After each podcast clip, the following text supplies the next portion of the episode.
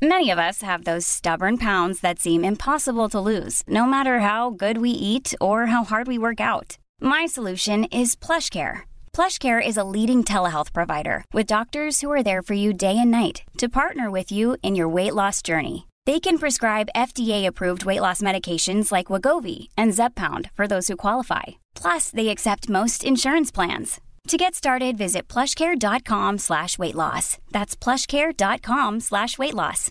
One size fits all seemed like a good idea for clothes Nice dress. Uh, it's a it's a t-shirt. until you tried it on. Same goes for your healthcare. That's why United Healthcare offers a variety of flexible, budget friendly coverage for medical, vision, dental, and more. So, whether you're between jobs, coming off a parent's plan, or even missed open enrollment, you can find the plan that fits you best. Find out more about United Healthcare coverage at uh1.com. That's uh1.com. Quality sleep is essential. That's why the Sleep Number Smart Bed is designed for your ever evolving sleep needs. Need a bed that's firmer or softer on either side? Helps you sleep at a comfortable temperature? Sleep Number Smart Beds let you individualize your comfort so you sleep better together. JD Power ranks Sleep Number number 1 in customer satisfaction with mattresses purchased in-store. And now, save 50% on the Sleep Number limited edition Smart Bed for a limited time. For JD Power 2023 award information, visit jdpower.com/awards. Only at a Sleep Number store or sleepnumber.com.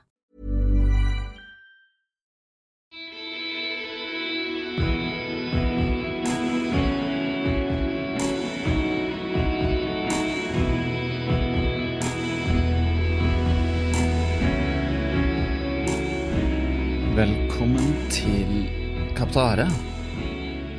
Episode nummer tolv. Nummer tolv. Episode nummer tolv. Dusinet fullt. Det er eh, for meg helt fantastisk. Jeg kan bare legge ned nå. Jeg kan bare legge ned. Jeg kan bare legge ned. Jeg har lagd tolv episoder av en podkast. Så hvis folk spør meg hva jeg driver med, så kan jeg si nei, jeg lagde tolv episoder av en podkast. Et dusin podkaster, så det, det, det holder, det. Trenger ikke lage noe flere enn det. Har du lagd tolv utgaver av noe? Løpt tolv ganger, så holder det. Nei da, vi holder det gående. Um, jeg heter Marius Hauge. I dag sitter jeg eh, ned, faktisk, sammen med Ingrid Kristiansen. Eh, Jeg regner med at eh, 99,9% av dere som hører på, vet hvem Ingrid Kristiansen er. Eh, For dere som ikke vet det, så kan jeg si at hun er eh, en av de største løperne Norge har fostret gjennom tidene, uansett kjønn. Var eh, helt i toppklasse internasjonalt på 80-tallet. Eh, Sammen med Grete Waitz. På den tiden så hadde vi to helt fantastiske løpere. Eh, Det har vel ikke skjedd siden. Eller vent litt. Vi har jo Ingebrigtsen-brødrene. Vi har tre i verdensklasse. Ja, det, men det går i hvert fall ganske lenge mellom hver gang vi har noen på det nivået. Eh, veldig kult at Ingrid kom på podkasten. Eh, det tok litt tid, for hun er eh, ganske travel, altså. Mye jern i ilden, full fart. Veldig moro når hun kom ned her til, til studio på, på mountainbiken i full, full flat pedal, holdt jeg på å si. Eh, rask gange og veldig mye energi, og eh, sa fra helt tydelig i begynnelsen av podkasten at eh, jeg er vant til å snakke høyt og sånn.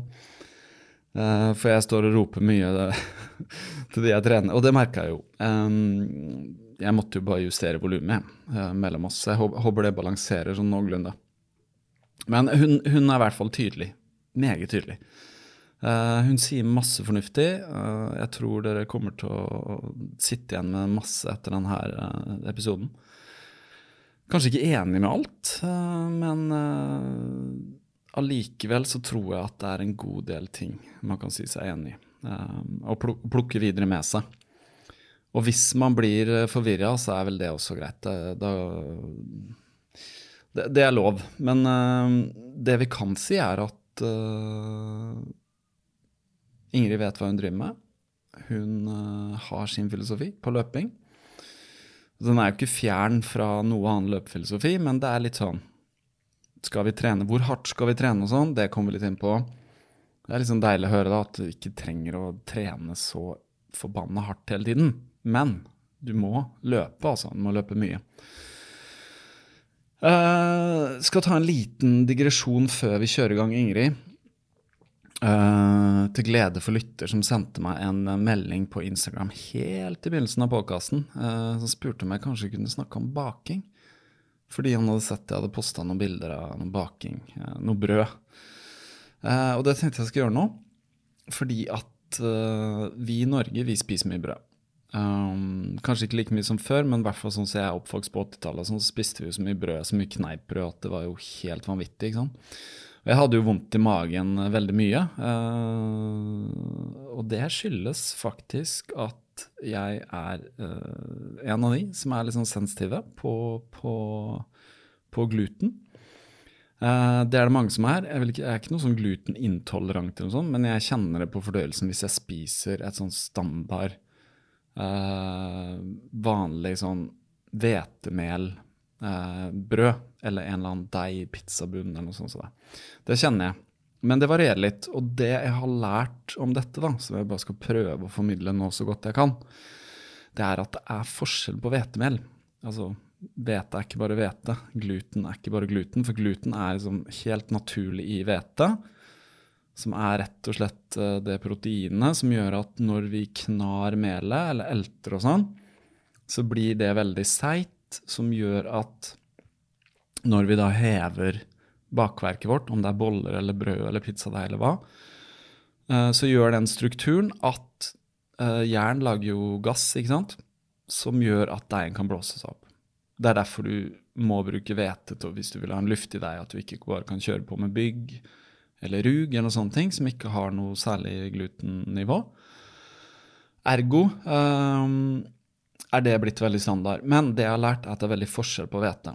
Um, og her skal jeg komme litt inn på, på, det jeg har lært, og det er at uh, det er noe som heter uh, hard hvete. Uh, nå refererer jeg faktisk til en baker som heter Morten Sjakenda, som jeg har en bok av. Han har vært tidligere sånn landslagsbaker, nei, unnskyld, landslagskokk, sånn kokk i helt sånn oppe i verdensklasse.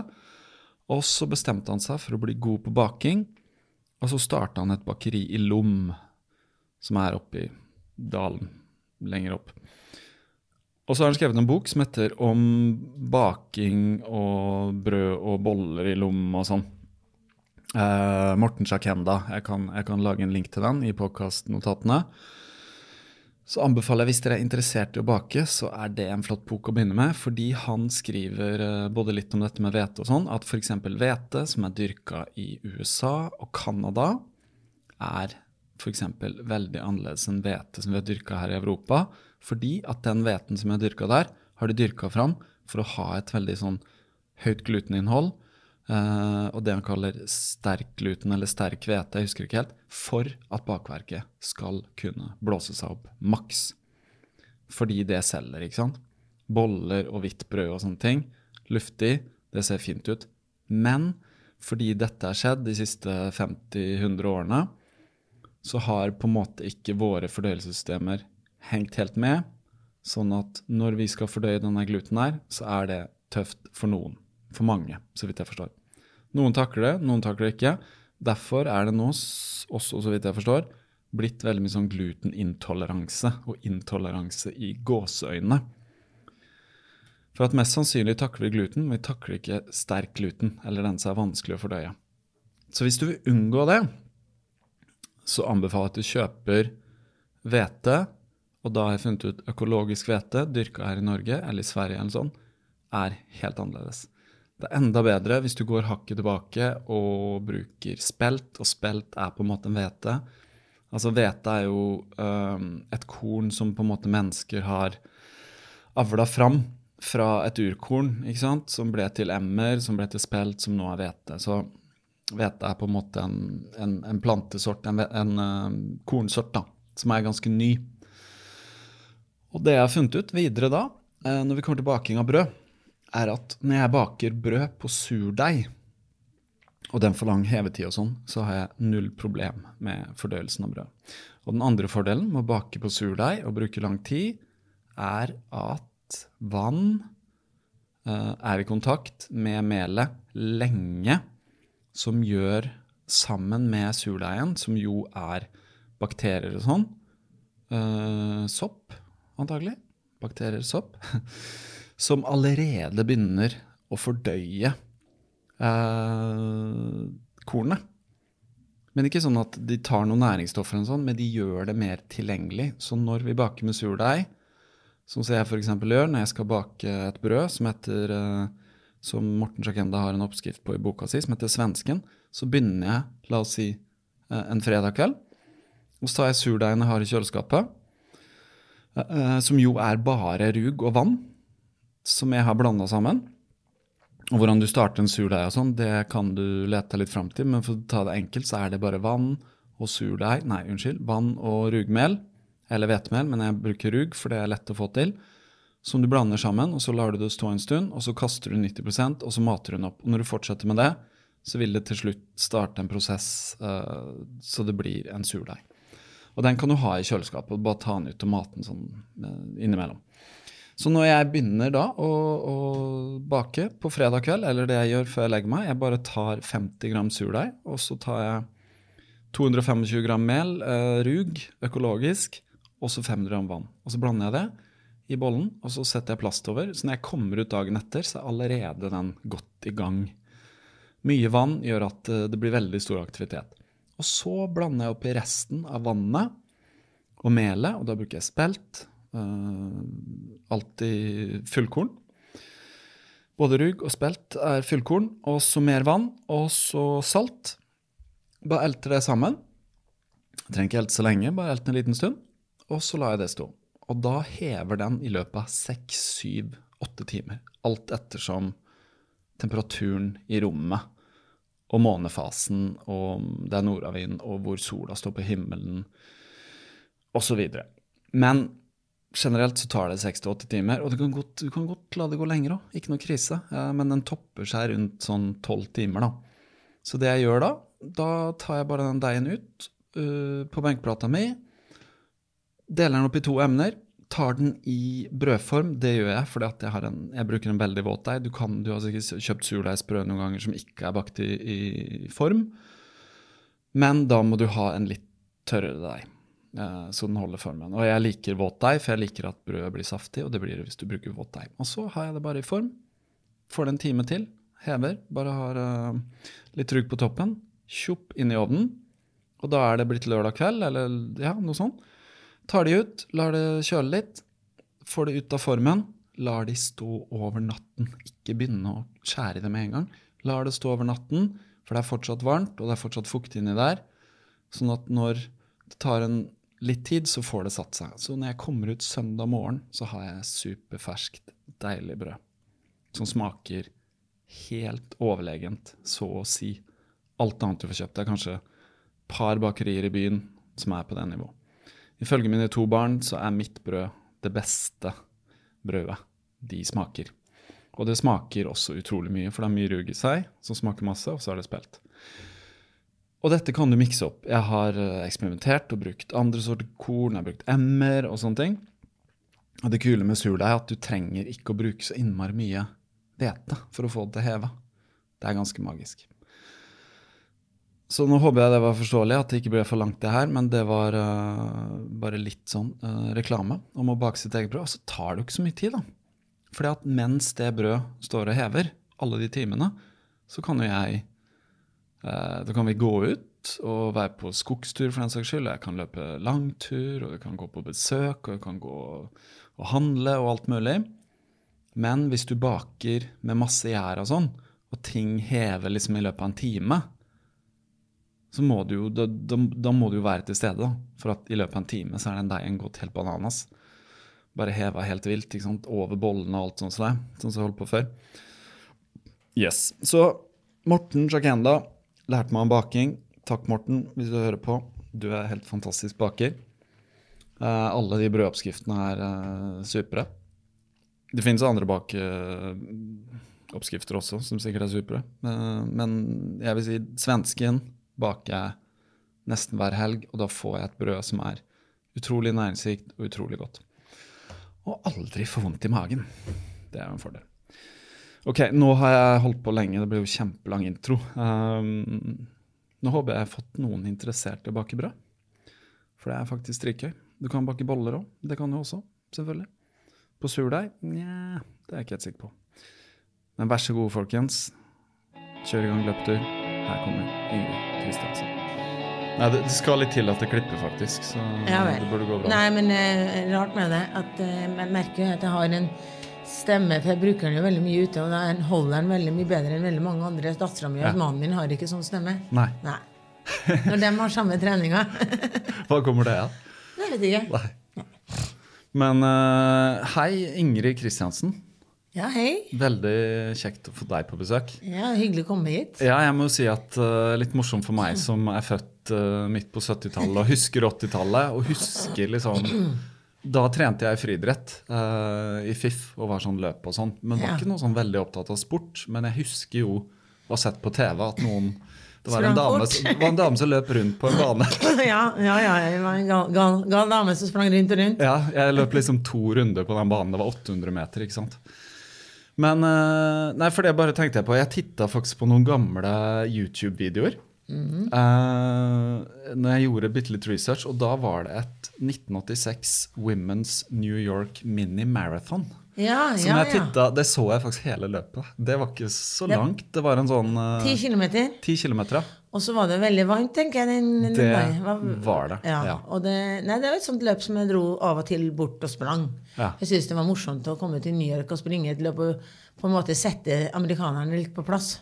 For de, For det tror, de de. tror jo gjerne de er verdens beste, men det, Ja. det er bra vi kommer fra Europa og tar dem. Det var en som het Joan Benoit. Ja, Joan Benoit Ja, var med. Hun Benoit. vant jo OL i, i maraton, første OL i maraton. Og Mary Decker, det er jo sånne kjente navn fra 80-tallet. Mm. De var jo med alle sammen, så det var veldig morsomt å slå dem. Men var dette før eh, maraton var etablert eh, i New York City? Nei, maraton i New York City begynte i 1980 Nei, 79? Slutten av 80? Ja. Ja. Da var det, Første gangen jeg ble invitert, var i 1978, men da hadde jeg ikke muligheten til å være med, for jeg skulle ha eksamen dagen etterpå. Aha. Eh, men det var da Grete Waitz vant første gang. Ja. Eh, og så var jeg i 79, 80, 81, 82. Sånn at eh, det var ganske spede begynnelsen på at, eh, man, at maraton begynte å bli litt in, da. Ja. Så New York var ganske Helt tidlig ferskt. ute. Det var ikke ja. mange som var med. Det var bare noen få tusen sånne gærninger som drev og sprang langt. Ja, ja, ja. Og det var mest menn. Ja, ja, det har alltid vært mest Ja. menn. Eh, Det, det er det vel enda en dag i dag. Men eh, damene kommer jo eh, med stormskrift, så det er jo veldig morsomt. Altså. For det var jo så vidt jeg har forstått, det var jo ikke lenge før det at i hele tatt damer fikk lov til å stille. Nå var det kanskje på 60-tallet at de måtte Ja, altså, jeg er jo så heldig at jeg er født når jeg er født.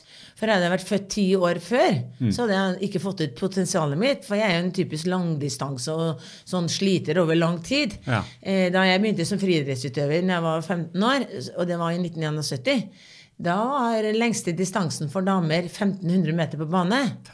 Så da det sier seg selv at eh, hvis du da er en typisk maratonløper og var født eh, på 40-tallet, så hadde du ikke mulighet før du da var over 30. Men Så- hvorfor var det liksom ideen om at kvinnene kunne ikke løpe langt? Nei, det er jo sånn ideen. Kvinner kunne ikke, Det var skadelig for kvinner å løpe langt. Det er jo samme som de sier noe om hoppjentene. Ja. Det er skadelig for jenter å hoppe, og i hvert fall ikke skiflyvning. Sånn at vi, da, vi ligger da ganske mange år før hoppjentene. Mm. Men det her har jo vært i alle idretter i, i, gjennom tidene. Altså langrenn. Ingrid Vigernes på 50 eh, 60-tallet. Hun, hun drev med den samme kampen. Mm. Sånn at det er noen menn som sitter og bestemmer, vet du. Ja, det er det. Og da får ikke vi damene være med. Men det har skjedd mye, da. På uh, de holdt på å si, Hvor lenge er det siden 86? Ja, det Det må 40. være Ja, nesten, ikke sant? Jøss, må begynne å tenke. Ja.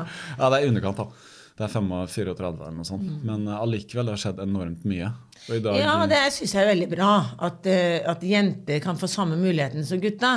I hvert fall med å få være med. Eh, Men eh, hva som blir lagt til rette for i de forskjellige land og forbund og sånn, det er nok litt forskjellig enda en dag i dag. Men sånn er det. Jentene man, man måtte kjempe litt mer for å komme opp på samme nivå som gutta. Også menta, altså med økonomisk hjelp fra trenere, Ja. bli tatt på alvor, alle de tingene der. Det er nok et stykke igjen i enkelte idretter enda. Og løp, det er vel å komme seg veldig. Men hvordan var det for deg eh, som begynte som 15-åring? Når, når forsto du at du hadde potensial, eller var det noen rundt deg som forsto det? Ja, altså jeg var jo eh, veldig god skiløper da. i- På, helt til jeg var 24 år. Eh, Og når jeg var 14-15, så ble jeg headhunta på en måte inn i friidretten og sprang 1500 meter. Og sprang jo fra de aller fleste. Men da var jo idretten veldig ny, sånn at det var ikke så mange som prøvde. Eh, Og da ble jeg eh, sagt, disse som hadde peiling på friidrett, at jeg hadde en strålende karriere som friidrettsutøver. Og jeg fikk beskjed om hvordan jeg skulle trene. Og som 15-åring jeg har alltid vært veldig frittalende og veldig bestemt. Og når jeg fikk beskjed om hvordan jeg skulle trene, så sa jeg nei, det er ikke noe for meg. Jeg vil fortsette i skisporten, hvor vi har et godt miljø, vi er mange jenter som driver. Dette er mye morsommere. Og så var jeg friidrettsutøver om sommeren. Sprang for Norge landskamper. Og så gikk jeg på ski om vinteren, og når jeg var ferdig som student, som 24-åring, da begynte jeg å satse på friidrett og lange løp. Så jeg, var, jeg starta egentlig ikke med løping, skikkelig løping før jeg var 24 år. Nettopp. Så du, men du bygde på en måte Ja, hele altså det er jo. Skiløping den gangen var jo kondisjon, kondisjon, kondisjon, Ja. kondisjon. Er det det ennå, eller? Ja, nei, altså nå er det mye mer nå er nok skiløperne blitt litt annerledes. Det er mye mer styrke og Ja. hurtighet. Skisporene er annerledes, eh, skiene er annerledes, alt Ja, er annerledes. Det er blitt en annen idrett, så jeg ja. tror nok ikke han ville gjort det så veldig godt som skiløper i dag. Nei. Eh, Men eh, løping i hvert fall, det er fremdeles kondis, kondis, kondis, kondis. I hvert fall når du løper over 1500 meter. Ja. Og når vi er inne på det et, Etter at du løp altså Du holdt jo, hadde en lang karriere. Eh, og det som er morsomt, jeg sjekka opp Du har jo du satt verdensrekord på maraton i 1985. 2.21,06. Ja. Den sto til 98, og det er fortsatt norsk rekord. Ja, ja. Det, og, Det i fjor, altså og i fjor det- var det faktisk ikke én mann. I 2018 så var det visst ikke en eneste norsk mann som sprang fortere. Nei. Og det forteller en del om uh, Det er flere som løper langt i dag, men det er Det er ikke mange som løper fort. Nei. Og fort, hva er fort? Altså, før eh, Sondre Moen tok den norske rekorden, så var det menn som sprang eh, på 2,10 i Norge. De gikk i fulle jobber, eh, og de sprang på 2,10. Og det er et hav eh, opp til de i dag. Altså, det er ingen som springer så fort i dag, bortsett fra Sondre. De ligger på en eh, 2, 13, 14, 15 i beste fall. Ja. Og hvorfor, vet ikke jeg. Nei, jeg tror ikke en trener For meg, sånn som jeg ser det fra utenfra, og sånn som vi trente på 80-tallet, så syns jeg de trener altfor hardt eller altfor rolig. Mm. Altså det er liksom trener ikke på det de skal bli gode på. Uh, og det forundrer meg litt. Og uh, mange av dem uh, jobber ikke heller, og er på masse høydetrening, men springer ikke fort allikevel. Og da snakker vi om maratondistansen. Ja, maraton og Ja. halvmaraton. Ja. Men hva, når vi er inne på det, da, siden du eh, driver og trener mange forskjellige utøvere, Ja. eh, vi kan snakke litt mer om det. Hvordan burde man trene hvis man vil bli god på halvmaraton og maraton? Det går liksom Det er klart det er mange veier som fører til rom. Mm. Og det er sikkert noen som kan komme kjapt opp på sånne litt kjappe løsninger. Hvis du har forutsetninger for det. Mm. Men jeg er jo litt mer eh, tilhenger av litt sånn konservativ, sånn som at du kan få flere igjennom enn at du får frem én. Mm. Det er morsommere å få frem kanskje ti som kan lykkes, istedenfor at vi tar livet av eh, ni, og så får vi frem igjen. Ja, Det å trene for hardt, rett og slett. ja, altså, ja. jeg syns jo det er noe at eh, trenden i dag er at mange springer langturene veldig fort i forhold til sitt nivå. Altså Folk som springer på 35 minutter på, på 10 km, springer to timer på rundt fire blank, og det syns jeg høres veldig fort ut. Mm. Hvis du skal være fit for fight og kanskje ta i litt to-tre dager etterpå for jeg, jeg sprang jo kanskje så fort, da, men jeg sprang jo på 30 minutter på 10 km. Mm. fem minutter fortere. Så det er jo noe med at man, man må ikke se hva afrikanerne gjør. For de er jo på et helt annet nivå. Så du må liksom tenke på hvor er jeg, og hvor vil jeg? Og så må du tenke på her er jeg i dag. I dag er jeg god nok for å springe på to og en halv time på maraton. Og da må du trene deretter. Ikke begynne å trene på der du ønsker å være, som er kanskje 2,24. Så det er noe med å være, stikke fingrene i jorda og være realistisk og bygge seg gradvis opp. Jeg syns det virker som at det er mange som drømmer litt og tror man er bedre enn man er. Og det gjelder ikke bare de som ønsker å bli veldig gode, det gjelder altså mosjonistene. Naturlig nok så drømmer man om Ja, det er klart. Det er helt naturlig, det. Jeg har vært sånn selv, jeg. Ja, ja. Det er det man vil gjerne ha de resultatene litt fort også. Så det er kanskje Ja, derfor er man, det, og- og man men- ser, jeg, jeg skjønner at det er litt sånn rundt han Sondre Nordstad Moen Ja. som du har nevnt. Mhm. Og der har det vært litt skrevet uh, om liksom, at han trener en viss stil da, Ja. gjennom han italienske treneren. Ja. Og det er veldig hardt, så vidt jeg forstår. da. At det skal gå mye fort på langturene osv. videre Men Men, du er mer tilhenger av de lange Ja, men han har jo, han har jo vært en kjempelovende mann over skiløperen. Mm. Han har holdt på i mange år til tross for sin unge alder. Så, så han har jo utrolig mange kilometer i beina. Så han tåler jo litt mer enn folk flest. Mm. Eh, så det er jo Jeg bruker å anbefale til de fleste som kommer til meg, og altså skal springe maraton, at det aller viktigste for deg er å få flest mulig kilometer i beina. Det er beina dine som høyst sannsynlig får en stopp 35 km eller 40. Eh, Det er ikke pulsen din Nei. som er avgjørende. Det er kilometer løpt. Og da er det liksom Oi, beina greier ikke å flytte seg, men jeg har så lyst. Jeg. Ja, det er, jeg regner med at veldig mange Ja. eh, kjenner seg igjen der. Ja, ja, ja. Og da er det ikke det at du ikke har løpt hardt nok på intervallene. Det er det at du har ikke nok kilometer til å tåle den harde belastningen som det er å springe et maratonløp så fort som du ønsker. Ja, det er begge mine erfaringer. Første gang jeg løp lenger enn halvmaraton, var Ecotrail, 30 Ja, km. ja. Da var det stopp etter 20. Ja. Den pulsen var jo helt fin. Jeg løp jo resten av løpet i hvilepuls, holdt jeg på å si, men eh, klarte ikke å flytte beina. Og samme på maraton. Da var det stopp etter 30. Ja. Men det er Så- sånn neste gang, når du har løpt enda noen flere kilometer, Ja. så vil du antageligvis komme til mål. Ja. Hvis du ikke da er så dum at du springer altfor fort for tidlig. Det er det. Ja. Og da får man for høy puls for tidlig. Og når man får høy puls for tidlig, kanskje oppimot eh, over det, altså det blir litt touch av anaropt, Mm. så brenner du veldig mye mer energi. Så da brenner du opp det, altså da forsvinner alt det karbohydraten du har i kroppen. Ja. Og når vi løper, så er det veldig vanskelig å få i seg noe underveis som du kan få nyttiggjort deg eh, i løpet av en, halvtimes tid. Så Ja. det, det er liksom Det er litt vanskeligere enn f.eks. For, for en syklist som kan spise hele tida, for han sitter jo tross alt på sykkelen. Ja. Eh, og en skiløper eh, kan også drikke og spise litt mer enn vi som løper, for de glir. De glir. Det Ja, mens vi løper, vi, hele tiden får vi juling på maven. Og jeg kjenner ikke veldig mange som tåler å ha i seg så veldig mye av eh, noe voldsom næring eh, når man løper. Jeg begynte å tenke på det der etter, etter den opplevelsen med maraton, at det var slutt på energien og sånn. Så Ja. begynte jeg å tenke å, nå må jeg begynne å tenke på det med gels og sånn. Ja. Jeg bare prøvd det én gang på en treningstur, men det var jo veldig sånn fiklete, og det rant utover seig på fingrene. Ja, ja, ja. men, eh, men det er mulig, så vidt jeg har forstått, å ha en liten sånn plan at du tar en gel når du tar litt drikke ikke sant, og sånne ting. og du kan si der har ikke jeg erfaring, for det fantes ikke den gangen jeg, drakk, eh, når jeg sprang. Da fantes ikke gel. Sånn at, eh, men har man tenkt å bruke det i løp, så må man bruke det også på en del langturer og kjenne hva mye du tåler Ja. av drikke, hva du må drikke samtidig som du tar den gelen. Sånt, ellers så er det eh, sånn som forsøket ditt da, første gangen. Det var kanskje litt dumt. Men, men det er faktisk en fordel å ha, eh, ha prøvd det noen ganger, så du vet om du reagerer. Og kanskje den typen reagerer på, mens en annen type gel reagerer du ikke på. Så det er noe å finne fram hva som er riktig for deg. Og ikke se hva reklamen sier. For Ja. reklamen sier jo kanskje noe helt annet. Som det vedkommende som reklamerer for det, tålte, men kanskje ikke du tåler det. Nei, ikke sant. Mm. Nei, jeg, jeg, jeg kommer til å prøve, men jeg tror ikke jeg kommer til å gjøre det. For eksempel, nå skal jeg løpe halvmaraton om en måned. Da er det ikke noe vits å tenke på de tinga.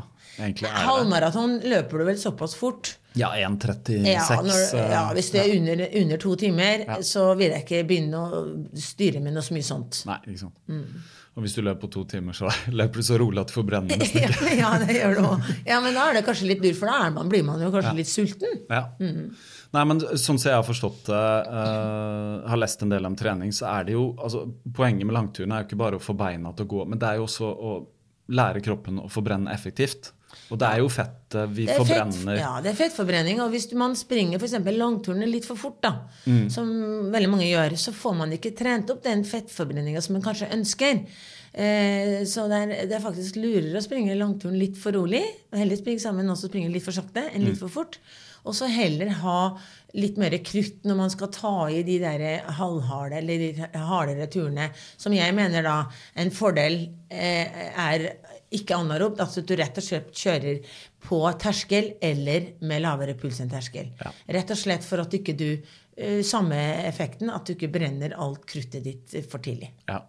Altså, for meg personlig, hvis jeg er over terskel, da går det så fort at uh, det, det, det er, jeg, jeg, ja, jeg er ikke i nærheten av det, i hvert fall på langturene. Jeg, er mer sånn, jeg følger program nå som er Hvis man er opptatt av soner og sånt, så er det sånn ikke Altså I sone to er det raskeste Mm. på langturene. Det begynner i sone én, og så er det en stund i sone to, og så er det ned på sone én igjen.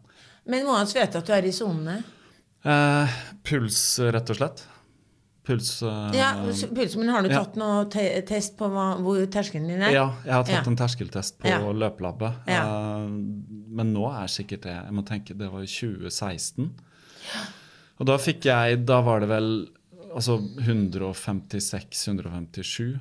Hørtes lavt ut, men Veldig lavt. Jeg har veldig lav, har lav puls, ja. veldig lav Mm. makspuls. Jeg har Ja, ja. knapt vært over 170. Ja, men da høres det jo ganske Hvis du da legger det Sone 1 for meg er, ligger på 120-tallet, ikke sant. Mm, Ja, 100 men det høres jo greit Ja. ut. Så jeg har, eh, jeg har lav puls, eh, og det er individuelt, så vidt jeg forstår. ja, selvfølgelig. Liksom, Hvis liksom du springer sammen med en annen kompis som har 140, da, så sier han 'å, hjelpe meg, du springer ja, rolig', det er altfor lav puls.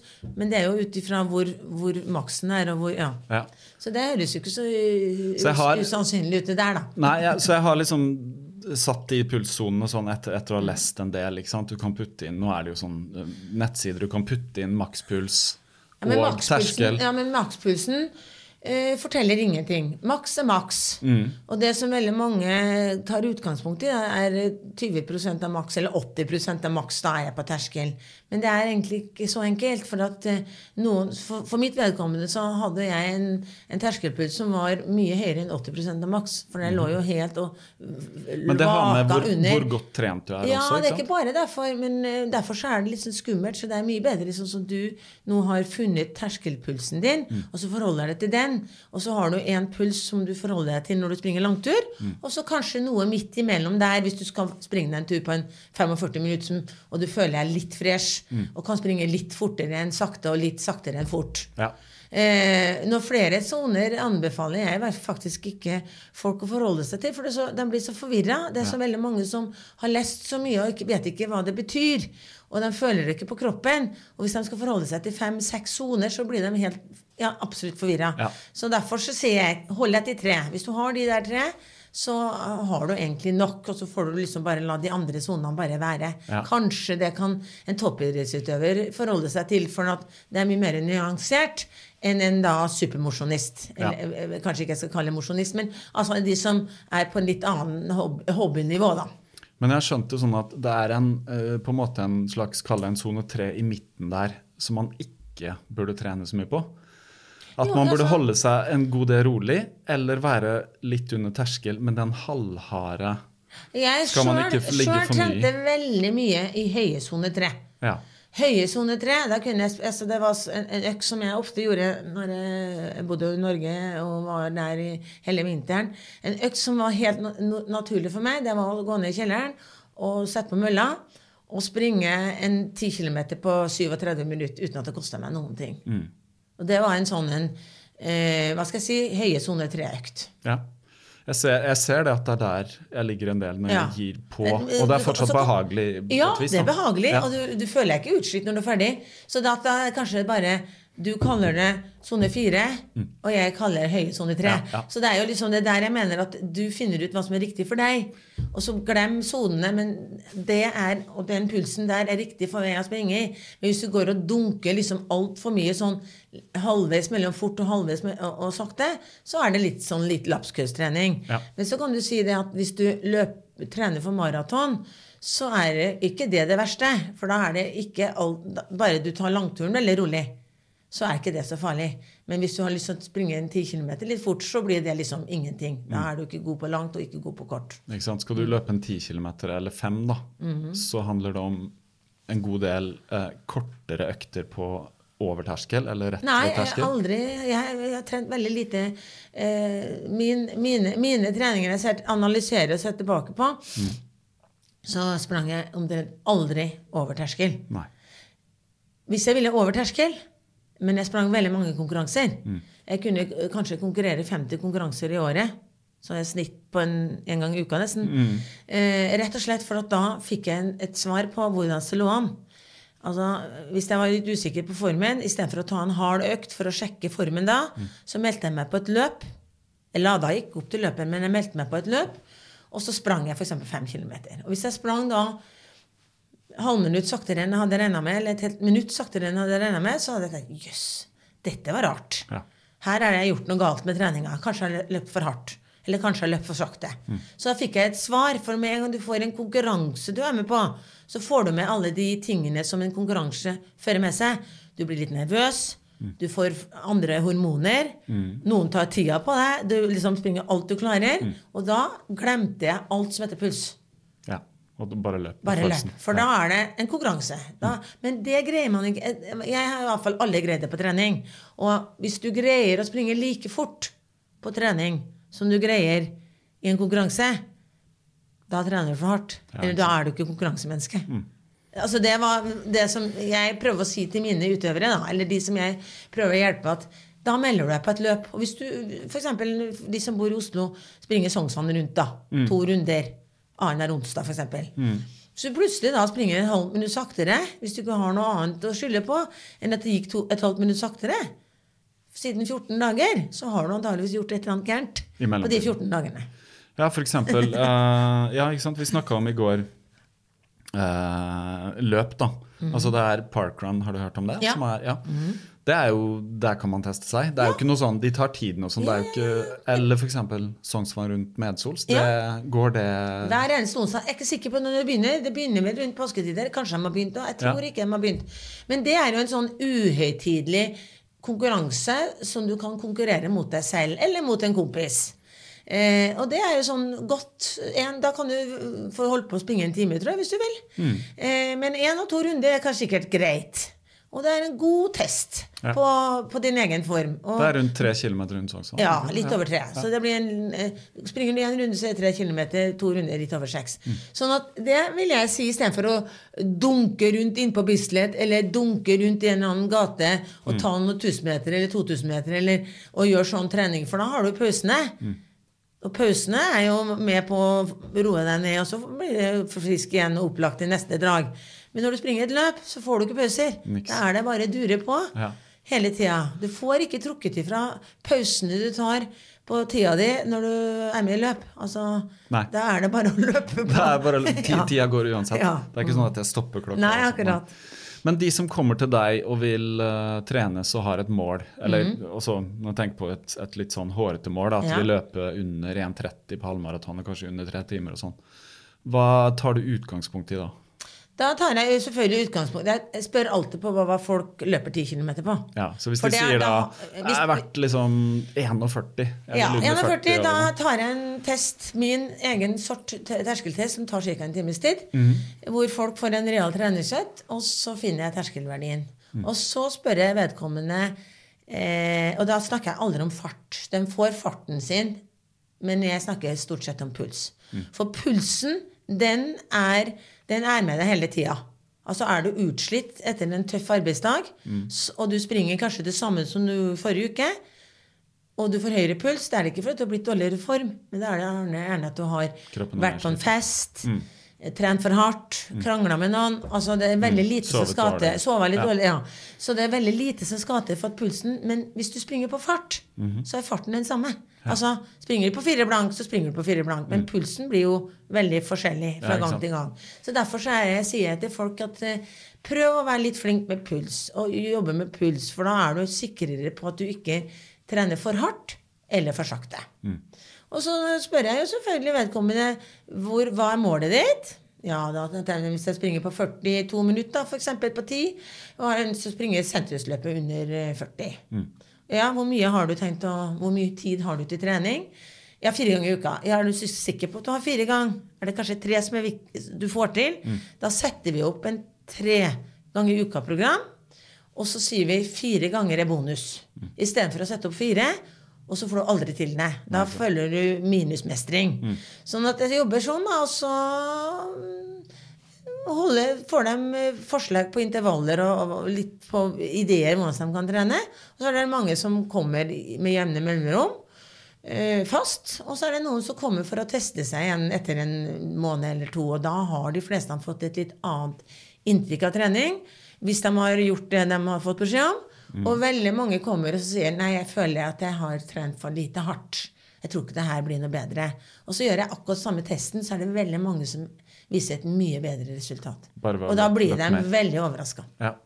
Og det er, det, er, og det er derfor jeg sier at 95% av alle som går inn gjennom den døra inn til mitt uh, treningsstudio, eh, de trener for hardt i forhold til sitt nivå. På det nåværende tidspunkt. Og hva går det på da spesifikt at de gjør? Er det sånn, er det sånn her- Kjøre intervall, for Ja. eksempel. De kjører fire ganger fire. Bånd, halings, funn, pinne. Og så spør jeg hva gjør du i pausen. Ja, da går vi. Eh, går? Eh, men det, får jo, det går ikke an å gå. Hvis du skal springe ti kilometer, så får du ikke trukket ifra to minutter gang Nei. i treninga. Ja, det er så effektivt at det er fire ganger fire. Så sier jeg, men hvorfor ikke åtte ganger to? Ja. Og ett minutt jogg imellom. Og når folk har kommet på et enda litt høyere nivå da Jeg jobber med noen noen som skal springe i Berlin og håper på å springe på min rekord. da, 1.06 på, på halvmaraton. eh, så sier jeg da er det ikke jogg lenger i pausen. Da er det flyt. Da løper du f.eks. fem minutter, og så er det to minutter flyt. Ja. Og da er det fem minutter brukbar fart, sånn rundt terskel. Helst litt under. Og så flyter du i pausen. Og så er det på'n igjen. Ja. Og da er det veldig lite forskjell på pausepuls og arbeidspuls, som da er veldig bra når du tenker på at du skal løpe lang lengre. Ja. Det er liksom egentlig nesten samme trening for 1500-meterløpere og opp til maraton, for det er faktisk kondisjon som er det viktigste. Og da bygger du bra kondisjon? Ja, Da- bygger bra ja, kondisjon. ja. Du må rett og slett lære deg å løpe Litt annerledes, og det er eh, de som det er mange som ikke har noe troa på det, da, som kommer og har betalt for å komme dit og for å få råd. Mm. Og så når vi setter oss ned etterpå, så sier jeg vet ikke om jeg har helt troa på det her. Nei. men hvorfor kommer du hit da? Liksom, jeg kommer for å hjelpe betale for det. Ja. Så hvis du bare De har allerede en oppfatning på en måte ja, hvordan så det vet skal ikke om de har troa, for de syns det høres ut som det ikke er hardt nok. Ja. Så jeg, men la nå du få en sjanse, og så kan du heller komme tilbake. Eller du kan bare skrive til meg, og så spør. Eh, og så viser det seg gang på gang at jøss, dette var morsomt. Mm. For jeg er aldri utslitt lenger. Kona mi er så fornøyd, for nå er jeg liksom litt sånn Litt sånn opplagt når jeg kom hjem fra trening. Før så satte jeg meg bare rett ned og Ja. var helt ferdig. Etter en sånn fire ganger fire. Ja, akkurat. Ja. Men du skal, når du er ferdig med intervalltrening, så skal du på en måte tenke sånn at jeg kunne tatt et drag eller to til. Ja, men er- dem tar du ikke. Nei. Det har jeg også tenkt på. Ja, faktisk. og da, dem tar du ikke, selv om Og det er ekstra morsomt å ta dem når du er i god form, Mm. men dem tar du ikke, for det blir, da blir det litt for mye igjen. Mm. Sånn at uh, vi, I min tid så sprang jeg sjelden mer enn Midt på vinteren sprang jeg kanskje av og til 10 000 meter. Mm. Som regel så var det 8 til 10. Og veldig ofte ble ble det bare 8. Mm. Og når jeg snakker med en del utøvere, mosjonister i dag, så er de oppe i 14. Oi. Ja. 10 til 14. Ja. Men det må, må jo ta hele kvelden. ja. Det tar tid, det. Det tar tid. Og, eh, Og hva gjør så- de i Da stopper de Og da pausen? går de veldig rolig i pausen. Ja. Så Hvorfor går du? Det er mye bedre når du har én time til rådighet. Hvis du har én time til rådighet til trening, Mm. så er det mye bedre å løpe mest mulig på den timen istedenfor å stå i ro. Mm. Og da ler de da når jeg sier det der, for det har de ikke tenkt over. Nei, ikke sant. Sånn, eh, så det er liksom Prøve å få folk til å tenke litt annerledes. Det er ikke om å springe veldig fort på dragene, som er kanskje over et halvt minutt fortere enn det du trenger i løpet ditt. Mm. For da er du liksom Da trener du på noe helt annet. Ja. Nei, jeg, jeg ser det, det programmet jeg følger nå, er mer uh, at det er pauseløping mellom draga.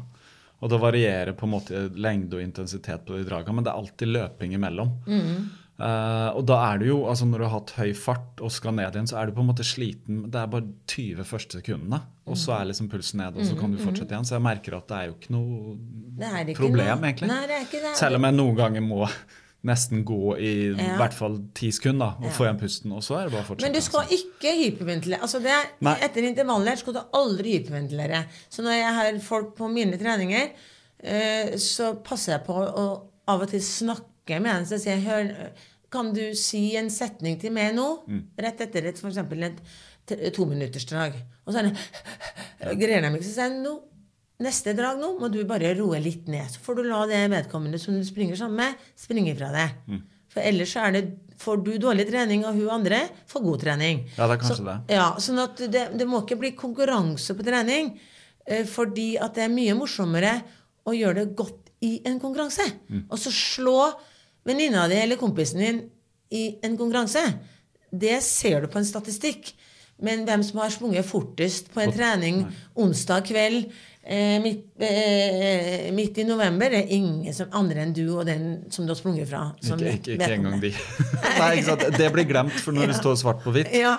At Så det er slo an på det, maraton. det, så- det jeg mener, Ja. altså. Men nå har jeg alltid vært sånn at jeg har sprunget for rekorder når jeg har eh, konkurrert. Ja. Det var ikke nok å vinne, liksom. Jeg ville gjerne være, springe på noe som ingen har gjort før meg. Hva som drev deg til det? da?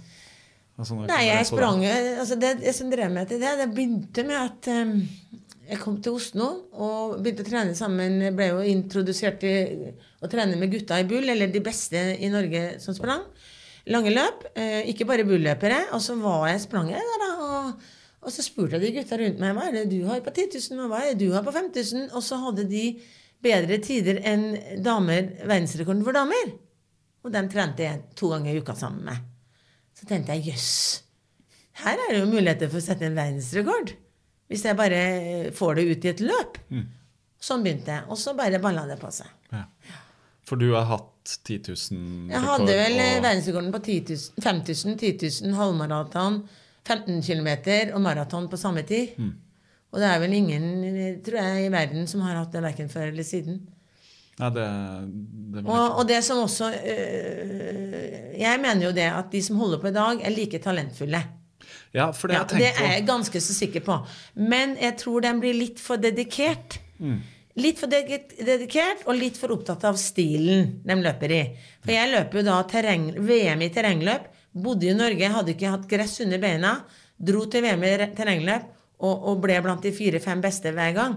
Eh, altså, vi tok det som en konkurranse, tok det som en utfordring. Nå er det liksom, Du skal være så sikker på at du er så godt forberedt at du ikke driter deg ut.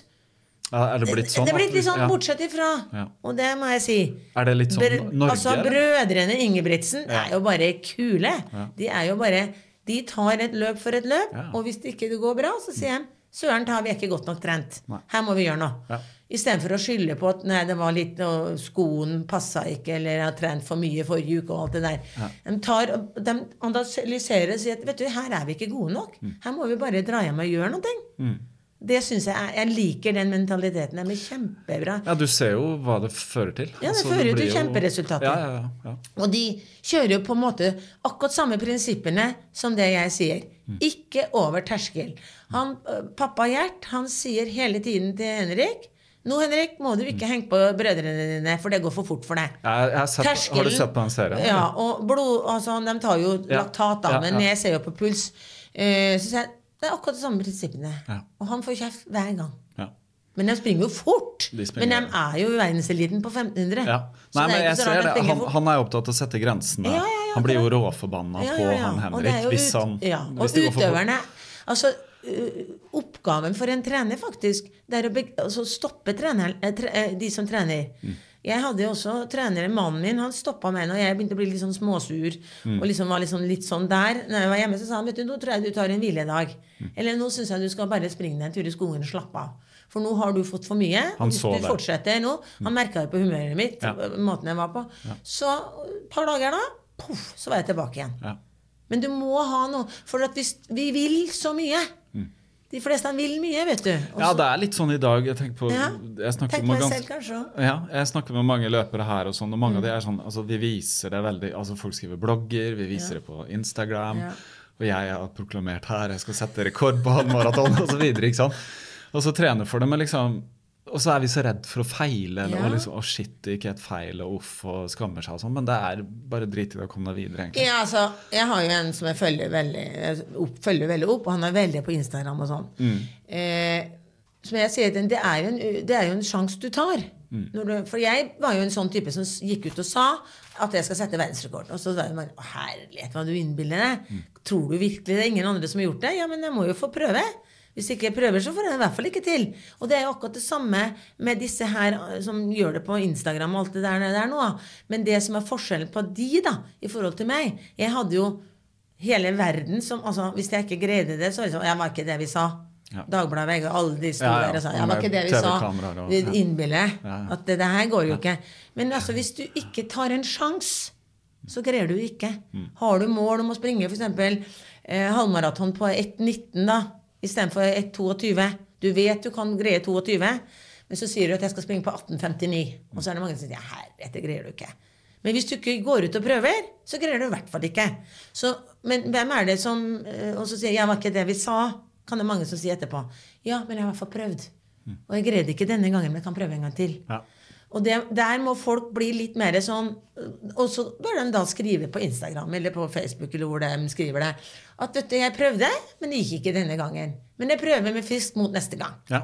Istedenfor å liksom bare la være å skrive og, og, og begynne å snakke om at en fikk gnagsår eller Ja, vondt i en tå. Alle Ja, ja. unnskyldningene. De er for dumme. Og det var så mye vind. Det er så mange løp med så mye vind nå. Motvind. Ja, og da tenker jeg Det var jo veldig rart at de har så mye vind nå. De har jo vel like mye vind før i tida. Altså, ikke kom med alle de ytre faktorene som gjør at du ikke får det til. Da må du gå inn i det selv og si hva var det som feila. Var jeg for nervøs hele uka før løpet? Det er nok til at du gjør det dårlig. Livredd for å ikke greie målet? Skitnervøs en hel uke? Da har du tappa deg for energi før løpet. Så det er sånne ting det ligger mer mellom øra å tenke riktig den siste uka og roe ned treninga. Der er også en sykdom i dag. Folk tør ikke å være uthvilt. Nei, Jeg hadde en senest i går på PT-time som skal springe i Berlin. Så sier han hva skal jeg gjøre i morgen. Det står hviledag i morgen, sa han. Mm. Ja, det, kan jeg ta litt styrketrening? Nei, du skal ikke gjøre noe som helst i morgen, du. Du skal ha hviledag. Å ja, hva gjør jeg da? Nei, da sitter du i sofaen og tar deg en kopp te. Så, Gjør altså, de, ikke gjør noe! Og Du gjør noe uansett hver dag. Det er jo ingen som ja, altså, ja, Folk altså, jobber, det og er de ja, men det, og... det, det, det, du, du, det er ukjent begrep å føle seg litt uthvilt. Så, Jeg, jeg kjenner til det med barn. og Ja. det, det, det var det som på en måte gjorde at jeg feila så innmari i fjor på maraton. jeg, fordi at jeg var også veldig sånn stressa på slutten med søvn. og Mm, Ja, ja, ja. Nå, jeg, nå må jeg sove. ja, da sover du ikke, vet du. Da sover Nei, du ikke. jeg sover ikke i det hele tatt. Så du må være litt avslappa. Altså, det jeg var ikke akkurat den mest avslappa personen, jeg, helt til jeg var 27 år. Mm. Når jeg var 27 år, så ble jeg mamma. Ja. Og, og da kunne jeg ikke styre noe som helst av dagen min. Jeg visste at jeg skulle trene to ganger om dagen, men ante ikke når det ble. Før var det, du, du hører jo om enkelte løpere som trener mellom fem og seks og syv og åtte, og det er helt stressa hvis de ikke får gjort det. Ja. Men da plutselig, jeg var vant med å springe til jobben og springe hjem igjen, da ble jeg plutselig Nei, det gikk ikke. Så jeg begynte jo da å springe eh, rett etter amming om morgenen, som var klokka mellom fem og halv seks. Og så sprang jeg ut klokka halv seks, og mannen min måtte jo da dra på jobb klokka sju. Så da var jeg ferdig med førsteøkta før han dro. Og så var det av og til jeg ikke orka det. Og så tenkte jeg oi. Når du har små barn, ja. Ja, når du er baby. Ja, ja. Så tenkte jeg oi, da ble det dårlig. Det her var jo før OL i 84, altså. Mhm. ja. Dette blir dårlig. Nå kommer det til å gå ræva med løpinga mi. Men så viste det seg at det ble bedre. Når jeg slappet av. Mm. Jeg jeg kutta ut en økt nå og da. Så tenkte jeg som så, ja ja, jeg har vel godt av det, da. Mm. Og da, det var første året jeg liksom var best i Norge og ble best i verden. Mm. Når jeg begynte å roe ned. Etter du fikk barn. Liksom. Ja. Sånn at, eh, så det er en liten læring der, altså. Å, å ta det på hæren litt. Ja, jeg tror alle kan bli bedre til det, som er sånn de supermosjonistene Ja, som er alle. sånn alle. Det er litt henst. Økta, økta. Litt for Ja. Økta er Ja. så viktig. Og så få det inn på denne Garmin eller Polar eller hvor man er. Ja. Og så inn på Strava, så alle ser hva du har gjort. Og det eh, ser jeg også de som må ikke følge med for mye av det. For det er veldig lett å jukse. Jeg bruker min klokke en, del på mine kunder. Mhm. Og kjempeøkte, vet du, for de vil jo ha filen. Og dermed så blir det jo lagt ut på Strava automatisk. nettopp. Og vet du, da får jeg jo så mye comeback og og, sånn, og så skriver jeg Nei, nei, det her er ikke meg. Nei, legg bort klokka. ok, skjønner. Ja, ja. Ja. jukse kan man gjøre. Man kan sette Ja, seg på sykkelen. og det er veldig lett å jukse på, på sosiale medier. Ja, det er det. det, er. Hvis du vil lure noen. Ja. Men eh, med løping så er det sånn når du står der på løpet en dag, så, så er det ikke noe vits i å jukse Nei, på, på akkurat, da har du bare lurt deg selv. Ja, det har du altså. Men det er eh, det du eh, skrev eh, så på sosiale medier her om dagen. Du skrev motor, motor, motor. Ja. hva ligger i det? Det ligger i at det er det viktigste er å ha god kapasitet. Altså motoren er det viktigste. Ja.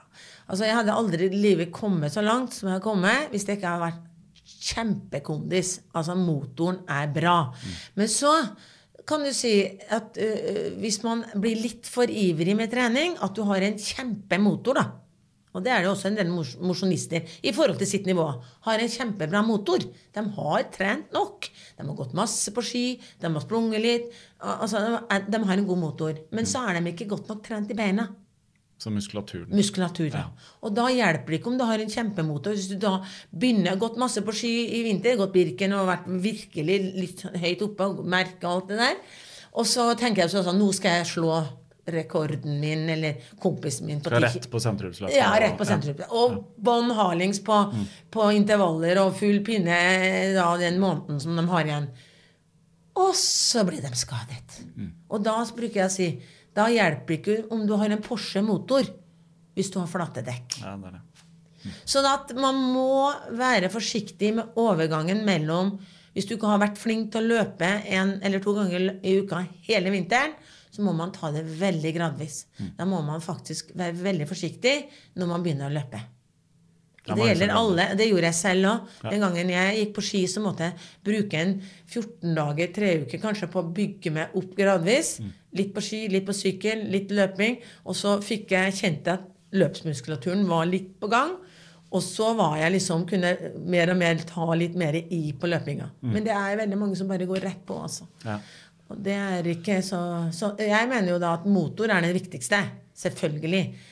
Altså, du kommer ingen vei hvis du ikke har kondis. Altså, jeg trener jo folk altså, Jeg har masse firmatreninger, da. Og da er det, da er det, da er det veldig forskjellige nivåer. Så når du kommer der sånn som Hjelp oss, vi skal springe Holmenkollstafetten. Mm. Eller vi skal springe sentrumsløpet. Ja, hva, hvor mye har dere løpt det, det siste halve året? Jeg har ikke løpt noen ting. Har du gått ned på ski? Nei, veldig lite. Og da må jeg ærlig innrømme at jeg syns det er veldig vanskelig å gi råd. Mm. Eh, Noen er jo i utgangspunktet litt brukbart trimma. Mm. De greier jo.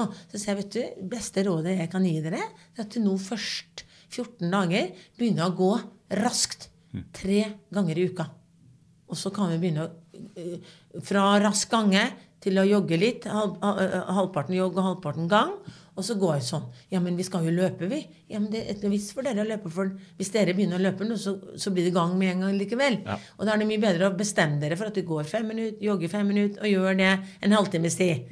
Så du får bygget opp ikke bare kondisjonen din, men også kroppen din til å tåle knær, legger, alt det der.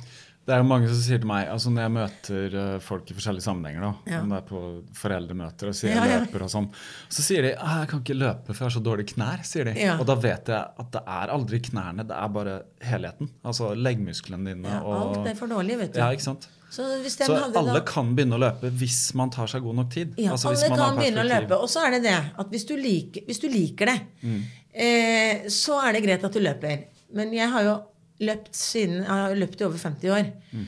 Eh, så jeg har god erfaring, og jeg elsker det enda. Jeg syns det er like morsomt, men det går litt saktere. Ja. Eh, men det har jo vært trender hvor det perioder har vært helt ræv ut og løpe.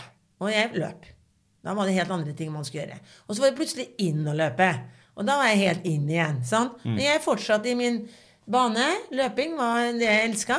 Og nå var jeg plutselig inn igjen, og så ut. Så, så hvis man ikke syns det er noe morsomt å løpe, kanskje syns det er morsomt å gå på svingkurs eller danse, så anbefaler jeg faktisk folk til det. For du kan faktisk bli ganske god form av å gå og danse og gjøre noe som du liker. For da er sjansen for å fortsette med det du liker. Hvis du tenker helsegevinst, så vil jo den være mye høyere enn om du bare løper fordi at alle løper en periode. Og så får man vonde knær eller og gjør litt for mye. Vond, akillesen ryker og vet ikke hva. Og så ja, var ikke det jeg sa. Løping var ikke noe for meg. Nei, ikke. Så- det er mange som akkurat på den tiden her òg, når våren kommer, Ja, så tenker de nå, nå må jeg ut, liksom. Jeg som har løpt ute hele vinteren. Ja, nå ser du plutselig masse. Nå er det masse folk. Og så går det tre uker, to-tre uker, så ser du nesten ingen lenger. Nei. For da har de, eh, veldig mange dessverre, eh, starta litt for brått Mm.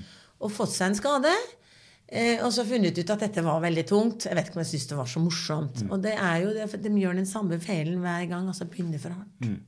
Altså, jeg vet ikke hva vi skal gjøre for å få folk til å være mer avslappet og, og ha det litt gøy. Altså. Og, og de som springer da fort, sånn som du, som har sprunget hele vinteren og, og, og syns det er gøy å løpe, det er klart at du løper lett og fint. Mm.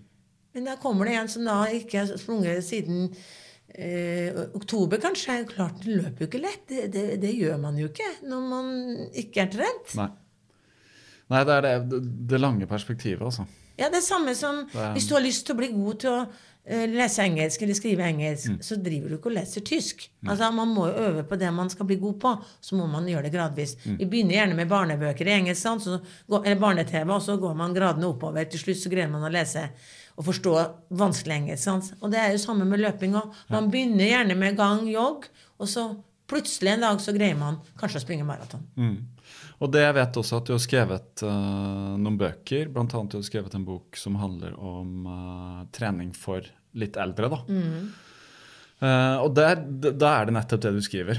Bare ta det rolig, og hvilket Ja, nivå er du på og sånn. Uh, for, for det jeg tenker, du sier du har løpt i 50 år, og det er ingenting som ikke tyder på at vi kan løpe til vi faktisk går rett i grava. Altså Det er liksom ikke sånn at nei, nå er jeg blitt pensjonist, så nå må jeg gi meg, liksom. Nei, det er absolutt ikke sånn. Uh, altså Man kan løpe, men det som jeg bruker å si Før så kunne jeg greie å springe 10 km på 30-31 minutter uten at det Altså, det kosta meg litt, men altså, da var jeg trent for det. Da var jeg i 30-årene. Hvis jeg er heldig nå, så springer jeg kanskje en 10 km på eh, rundt 40-41-42 minutter. Og det er jo da 12 minutter, så det går det jo sakte. Men jeg er jo mye eldre òg. Ja. Sånn at, eh, men klokka mi forteller meg at jeg kan springe 10 km på 37 minutter. Men det vet jeg at jeg ikke kan. Nei, ikke sant? Den der eh, som Den er litt sånn- for snill. Ja, ja, ja. Ja. Nei, jeg ser på de tidene, og de mener plutselig at liksom, nå er du sånn Hvis jeg, har nå- nå er oksygen- hvis jeg har kjørt litt intervaller med litt brukbar puls, så blir jeg plutselig veldig mye bedre på to dager. Ja.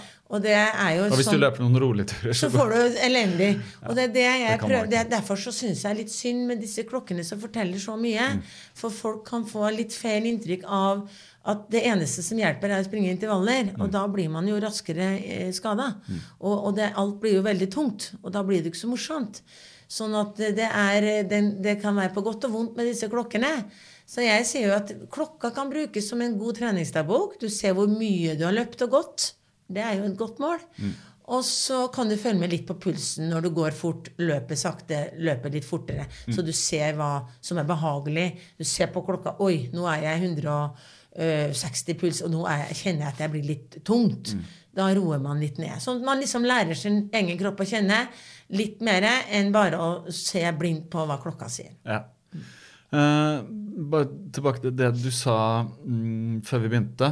Du har sett mange trender komme og gå, og i hvert fall det med joggebølger osv. Jeg husker jo det jeg leste at maraton var jo, måtte jo Det kunne ikke arrangeres maraton i Oslo en periode fordi det var ingen som meldte seg på.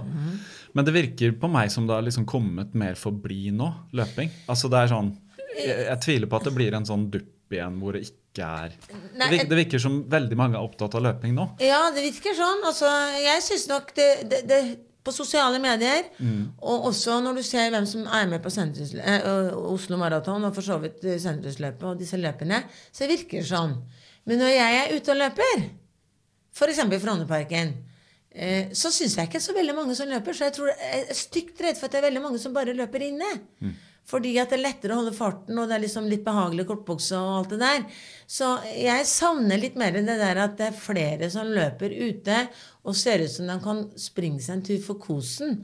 Jeg syns det er veldig mye grupper som springer veldig fort. I perioder så står de stille. Springer veldig fort, får åndene, det står stille. Eh, men det er mulig at jeg er ute på feil steder. altså Frognerparken er- var veldig uh, mye mer folksomt på 80-tallet som løping.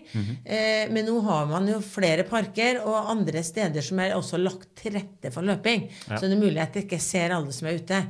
Så jeg tror at eh, det er Og det som er kanskje i dag i forhold til før, da, det er at nå er jo kanskje folk litt mer avslappa. Hvis du springer på 3.30 på maraton i dag, så er man liksom med i det gode selskap. Mm. Sprang man på 3.30 på 80-tallet, så var man sakteløpende. Ja. Ja. Så det er nå blitt er litt mer mer, avslappa. Ja, ja. Eh, I hvert fall tilsynelatende litt mer avslappa. At det, det er greit å være Ja. med i Stockholm Maraton og springe rundt fire timer. Mm. Eller akkurat under fire timer. Men det var nok færre som sprang sånn før, da. Ja. Det var mer Nei, det- amerikanerne. Ja, ikke sant. Mhm. Nei, det, det virker som det er blitt mer sånn at det å løpe en maraton er liksom en seier i seg Og selv. det, å delta Ja, er veldig ja. Å gjennomføre er veldig bra. Og det er jo en bra ting. Det er flott. Ja. Hvis du greier å få flere som syns det kan være morsomt å løpe, og, og fortsette med det også etter at de har greid å gjennomføre det maratonløpet Mm. som de har satt seg i hodet. Hvis de da øh, har følt at dette har gitt dem noen ting, både arbeidsmessig, altså blitt mer effektive i hverdagen, eh, og dette har vært gøy, det er godt å være i god form, så har det sin versjon. Men hvis man sier 'Å ja, nå har jeg greid å gjennomføre et maratonløp, nå er jeg fornøyd', og så gir seg, da har man kanskje ikke oppnådd det man ønsker med, med, med å trene til, mot et maratonløp. Så jeg håper det er flere som liksom fortsetter. Jeg har hatt to her på podkasten som skulle bare løpe ett maraton. Og så har de bare fortsatt. Ja, Ikke sant? Så Den ene nærmer seg 50, og den andre er på 14-15. Ja. Så det liksom, de er bare tatt da, Ja. av den. Basillen. ja. Men en annen ting som vi snakka om også så vidt, eh, det er jo blitt en sånn ultra Ja. En slags bølge, da. Eh, virker det som at liksom, ja, maraton det er ikke nok lenger. Nå skal det være 50 km, eller det skal være 80 eller 100. 160 km. Og nå er ikke det nok, så nå skal vi løpe i flere dager. Og 200 km, 300 Hvor stopper det? Ja, Hva skjer her? For meg, altså Det er helt greit at folk syns det er ålreit å springe, men jeg tror ikke det er så veldig mange. Det bare virker sånn. For de som driver med det, de er jo flinke til å legge ut på medier. Og, og, og Kondis skriver veldig mye om akkurat den biten, for de har jo ledere der som er veldig opptatt av ultra. Så det blir nok skrevet mer i de der løperkretsene eh, mer om ultra enn det er ultraløpere. Tror jeg nok. Eh, jeg har jo utøvere som driver med ultra, som kommer til meg for å få hjelp til å få litt mer fart. For at de kan springe i to døgn i én fart uten problem. Men de greier liksom ikke å få opp farten på 17 minutter. Sånn at eh, eh, Hvis det er unge utøvere eller sånn rundt 30 år som kommer til meg og sier at de har begynne med ultra, så sier jeg da er du egentlig ferdig som løper. Altså Hvis du har lyst til å springe fort på halvmaraton, maraton, 10 km, og du begynner med ultra, så er jeg stygt redd for at du er ferdig som den sort løper som jeg mener er løpere, jo flere holder på, da. For hva er det som skjer? Ja, det er klart at det er jo mye mer det der, De blir veldig gode på fettforbrenning. Og så blir de veldig gode til å holde, holde ut veldig lenge. Og så springer, det, det er jo noen som springer ganske fort, da. Det er sikkert springer sakte. Eh, men de kunne kanskje blitt enda bedre hvis de hadde hatt fokus på å springe det maratonløpet istedenfor å springe maraton, halvmaraton og, og 10 km etter hverandre på én dag, sånn som veldig mange gjør på Oslo Maraton. Ja, og noen av dem springer jo egentlig ganske fort på maraton i forhold til de som er med på Oslo Maraton i dag. Men det er jo ikke fort i forhold til en mann på 30 som kanskje kunne ha sprunget blitt så god at han hadde sprunget å sprunge under 2,20. Men den, det Så løper man han ikke. 2,30 isteden, og så løper han en halvmaraton, og så en Ja, etterpå. altså Ja. Og blitt ti minutter fortere på det maratonløpet. Er ikke det mer tidsfristillende enn å springe en hel dag? Mm. Du kan holde på med veldig mange andre ting resten av dagen enn å springe en hel dag. Jeg har jo også kunder som, som eh, drar til eh, Romania eller hvor det er, og så springer rundt og rundt en campingplass i en hel uke. Ja. Og så er det om å springe lengst på en uke og spise og drikke når du vil. Mm. Og da må jeg si at da syns jeg det kan ikke ha noe mye med glede og naturopplevelse å gjøre. Når du ligger i en campinghytte og spiser og ordner din egen mat, springer ut når det passer deg, Mm. i en hel uke på en runde på en, en eller to kilometer rundt en campingplass. Yes. Det, For meg høres det ut som at det blir litt sånn tvangsprega. Ja. Det er ikke noe glede. For meg høres det ikke ut som det er noe glede. Men det er mulig de har det morsomt, dem som holder på. Det vet ikke jeg. Det, det kan godt være. Ellers, ellers hvorfor i all verden gjør de det da? Men det var jo nettopp et sånt løp her nå eh, Ja. for noen uker siden. Sånn, jeg var kanskje bare i helga, Eh, sånn- Backyard Ultra. Ja, da var det sånn start hver time og Ja. løp 6,7 km og sånn, og siste mann vinner. Ja. Så det er en Holde slags ut. ja. Det, er jo, det er jo liksom litt sånn uh, Hvis du løper Hvis du skal springe et, eh, en, en distanse hver time, da, Mm. som ikke er lenger enn du greier å få til den på en time med et rolig tempo i starten, så, så det er jo litt annerledes, for da har du litt pause. Da kan du jo enten springe den fort, Mm. og så får du lengre pause, eller så kan du liksom holde det gående, litt sånn i passe tempo, så du akkurat når kommer deg rundt, så du får være med på neste runden. Mm. Ja. Så, så det er litt, litt annen sort, for det blir jo egentlig en, en, en, intervalltrening eh, en hel dag, da. Ja, Det blir jo litt annerledes enn å begynne og så springe i 48 timer. Det syns jeg høres veldig ille ut. Og det kan jeg ikke skjønne kan være helselig. eh, For man må jo bli dehydrert. Det må jo være ting som skjer i kroppen når du holder på så lenge. Eh, uten å få tilført så mye, og beina og alt det der. Det er klart, noen kan tåle det, men det må jo være en del av de som gjør det, som egentlig ikke har godt av det. Jeg tror ikke det er sunt. Jeg, synes, jeg tror ikke det er sunt å springe maraton heller. Nei, det er neppe det. Altså Ja, nei, det, det er noe sånn mange, hvis du springer Ja. for mange Jeg vet ikke hvor mange jeg har sprunget. Jeg har ikke sprunget så veldig mange maraton. For jeg valgte å springe de maratonene jeg sprang fort. Mm. og hvis Istedenfor å ha flest mulig. Istedenfor å ha flest mulig. For jeg, jeg syns det var mye morsommere å ha verdensrekorden i 13 år enn å være den i Norge som har sprunget flest. Ja.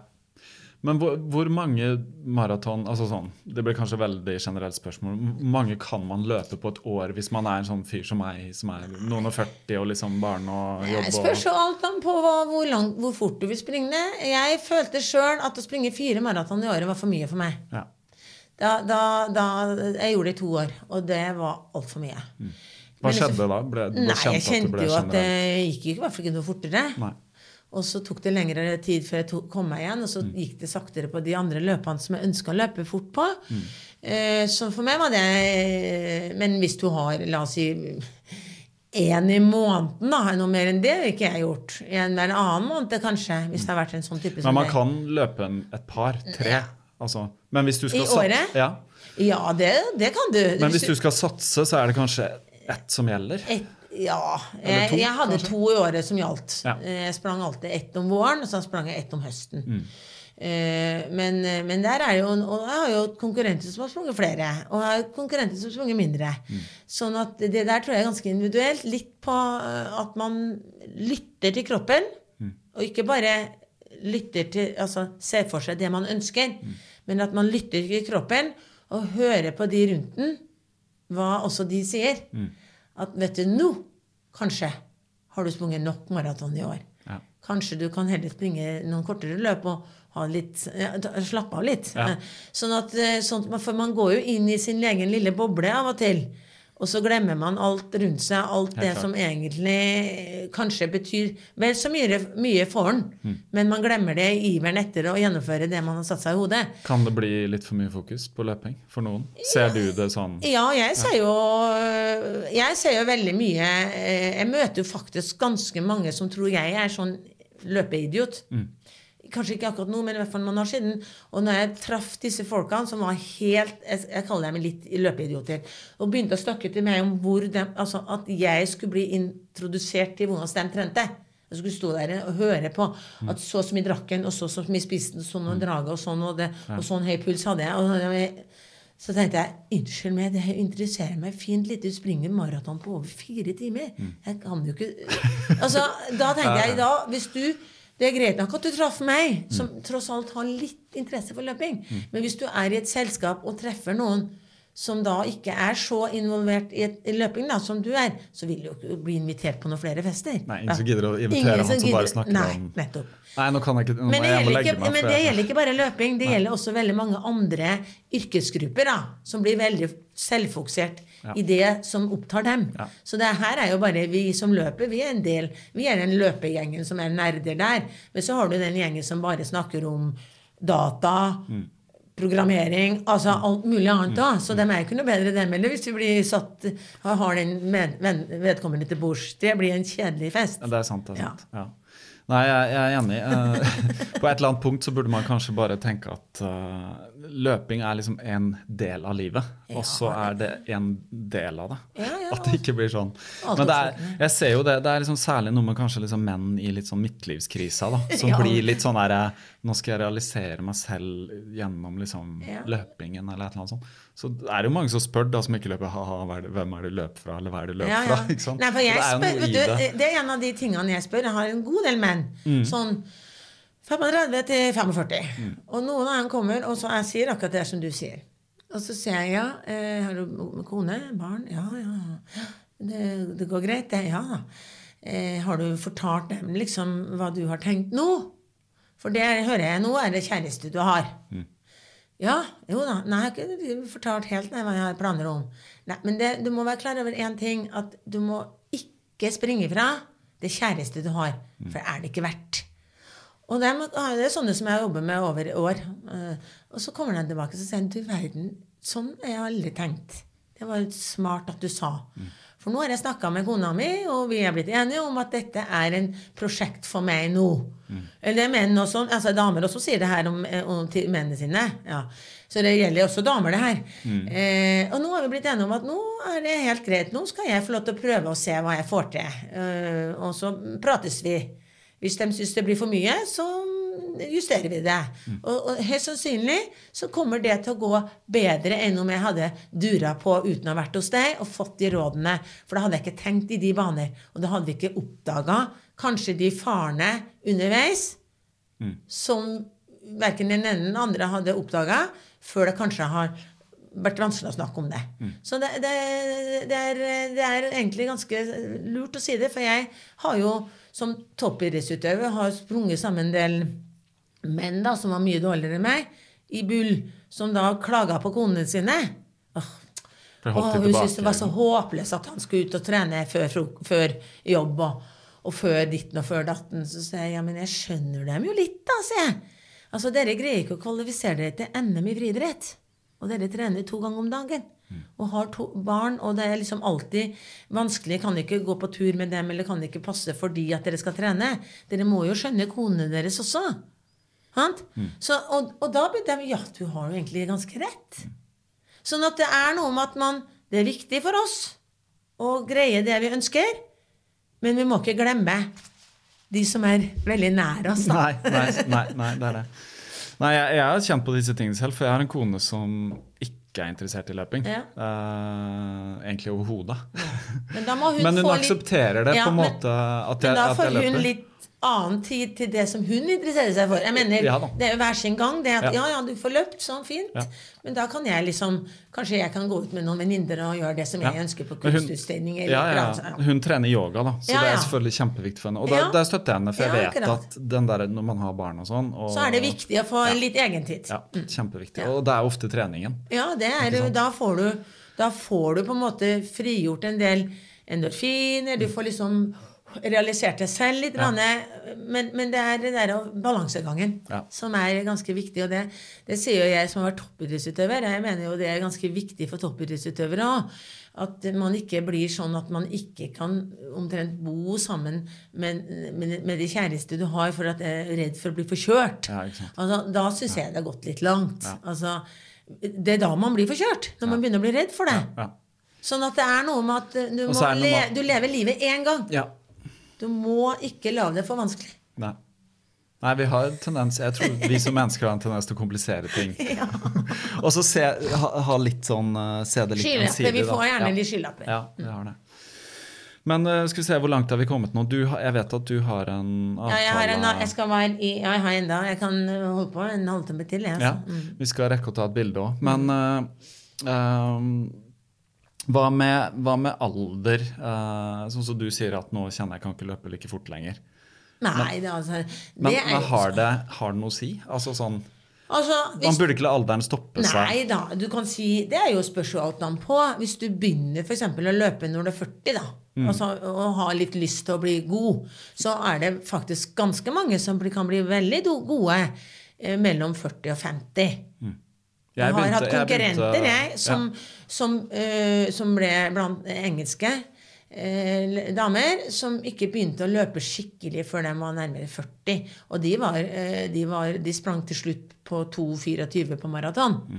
Eh, men det er klart at hvis hun hadde begynt når hun var 30, så hadde hun hatt ti år i, vært i ti år yngre i kroppen, så kanskje fått ut enda litt mer på, på de årene jeg holdt på.